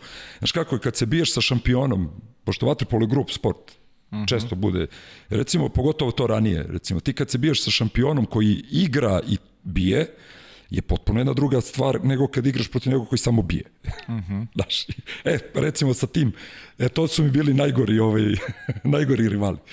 E, e, Gora Maksimović kaže, veliki pozdrav za legendu Vujasa, mog idola iz mlađih, mlađih igračkih dana. Koji centar mu je prave najveće probleme u duelima tokom svoje igračke karijere? Pa dobro, bilo centara, to, evo, pa bio je jako teško bilo igrati sa Hinićem, sa Perezom, ovaj, to su bili onako baš veliki, onako centri, ogromnim glavama, ovaj, jako teško ih je bilo zaobići i ovaj, dosta je ovis, dobro, ovisilo dosta i zavisilo od ovaj, kriterijuma suđenja, znaš, pa on bude takmičenje da ga ti iskidaš na beku, a mhm. dođe drugo takmičenje da ne možeš preživiš tri napada, znaš, tako da Ovaj, dosta je bilo i toga, ali ono, sve ukupno gledano, ovaj, to su recimo to neka dva centra koje sam ja onako, ovaj, s kojima sam igrao dosta dugo, protiv kojih sam igrao dosta dugo i koji su bili stvarno neprijatni. E, Calić pita iz kog mesta su njegovi roditelji poreklom, jer su i moji iz tog kraja i protiv kog igrača mu je bilo najteže, opet to je verovatno... Dobro, da, vezano ovo, pa opet ovi što biju, da, da. a da. ne igraju, a iz kraja moji su, ovaj, otac mi je Ovaj, moji su iz Ivoševa, čale mi, ovaj, Ivoševci, to je kao od Knina 30 km, a majka mi je iz Lalića koja je od Knina 40 km, tako da ono, da. ono krajina, ono, krajina. ono 100% što se rekao. Ja, Pistać pita da li ima poziv da igra za hrvatsku reprezentaciju, mislim to, Odgovorio, to da. već, to smo već odgovorili, ajde vidimo još, e, moram ovo da pogledam, pošto ima jedna devojka koja zaista nam stalno šalje E, šalje pitanja, samo uđem, malo mi je, malo mi je teže, pošto Marina ove stvari obavlja mnogo brže i bolje od mene, ali čisto da je, da je pozdravim i da vidim da eventualno izaberemo neko pitanje. Znači, neke, onako mnogo lepo je napisala uh, o i izvinjava se što izvinjava se što šalje velike poruke. On inače iz Smedereva, Vlada Vujsinji, čovjek koji je obeležio moje detinjstvo, jedan od mojih uzora. Kao mala nisam znala da lepo izgovori njegovo ime, pa sam umjesto Vlado govorila Vado i tako ostalo do da danas neizmjerno da ga cenim i poštujem kao osobu. Hvala Marino. Ali, ali sve, ali sve što radi za vaterpolo. Znaš, ona je, ona je postavila toliko mnogo pitanja da, da mi treba zaista emisija cela. Ajde da pitam ovo, e, podsjećala na gol, poredi gol Milanovića, e, tada još nije bilo rođena sa tvojim golom iz Fukuoke i evo pita e, kakav je, kakav je Živko, pomoćnik, Živko Gosi bio pomoćnik u juniorskoj prestaciji i kako mu se čini Živku u trenerskim vodama? Eto, jedno od pitanja, čisto da izvojim jedno, jedno pitanje. Ma, Žile, ono, momak na mestu, ovaj, kompletno, on je, ovaj, kad je postao trener, ja sam ono zvao sam ga odmah i rekao ako hoće da dođe i tako dalje, ovaj da se uključi, on je to ono ovaj, stvarno ono, bio je dve sezo, dva, dva leta je bio, ovaj, jednom je samo pomagao, drugi put smo ono već bili, sarađivali malo, malo bolje. No, ovaj, pa mislim da će Žile bude dobar trener, ne dobar, odličan trener, mislim da je već sada ovaj, ovaj odličan trener, ovaj, nažalost radi u Mađarskoj. Da. Mislim, želim mu sve najbolje, želimo Jasno, stvarno razumem. sve najbolje i ovaj da ostvari ono ovaj uspehe sve ono što čemu se nada i tako dalje ali definitivno ovaj bez obzira što on radi toku leta sa ovaj sva sreća sa ovaj sa juniorima ovaj 2004. godište čini mi se ovaj ali ipak nama bi žele mnogo više kor- koristio u Srbiji mislim ono Ovaj, Jasno. tako da, ono, ali dobro, to se vraćam sad na ono problemi Jasno, našeg i jasno. tako dalje. Znači, Žile je jedan od tih. Vlado, si bio zadovoljan? Jesam, ovaj, reci mi samo ćemo sledeću ovo Dekijevo. E, Deki, i bravo. Nećemo da, ne, ne, ne, sad mi kaži. Bravo, si, kako si se setio? Ne, rekao, pos, posle Ne, moramo da... mu odgovorim, moraš da mu odgovoriš. Da, Izvini, da. zaboravio sam. Da, pa ne znam na šta razmišljam, na koji način da mu, znaš, da odgovorim to, rekao, šta, kakvu kožu, razumeš ovo.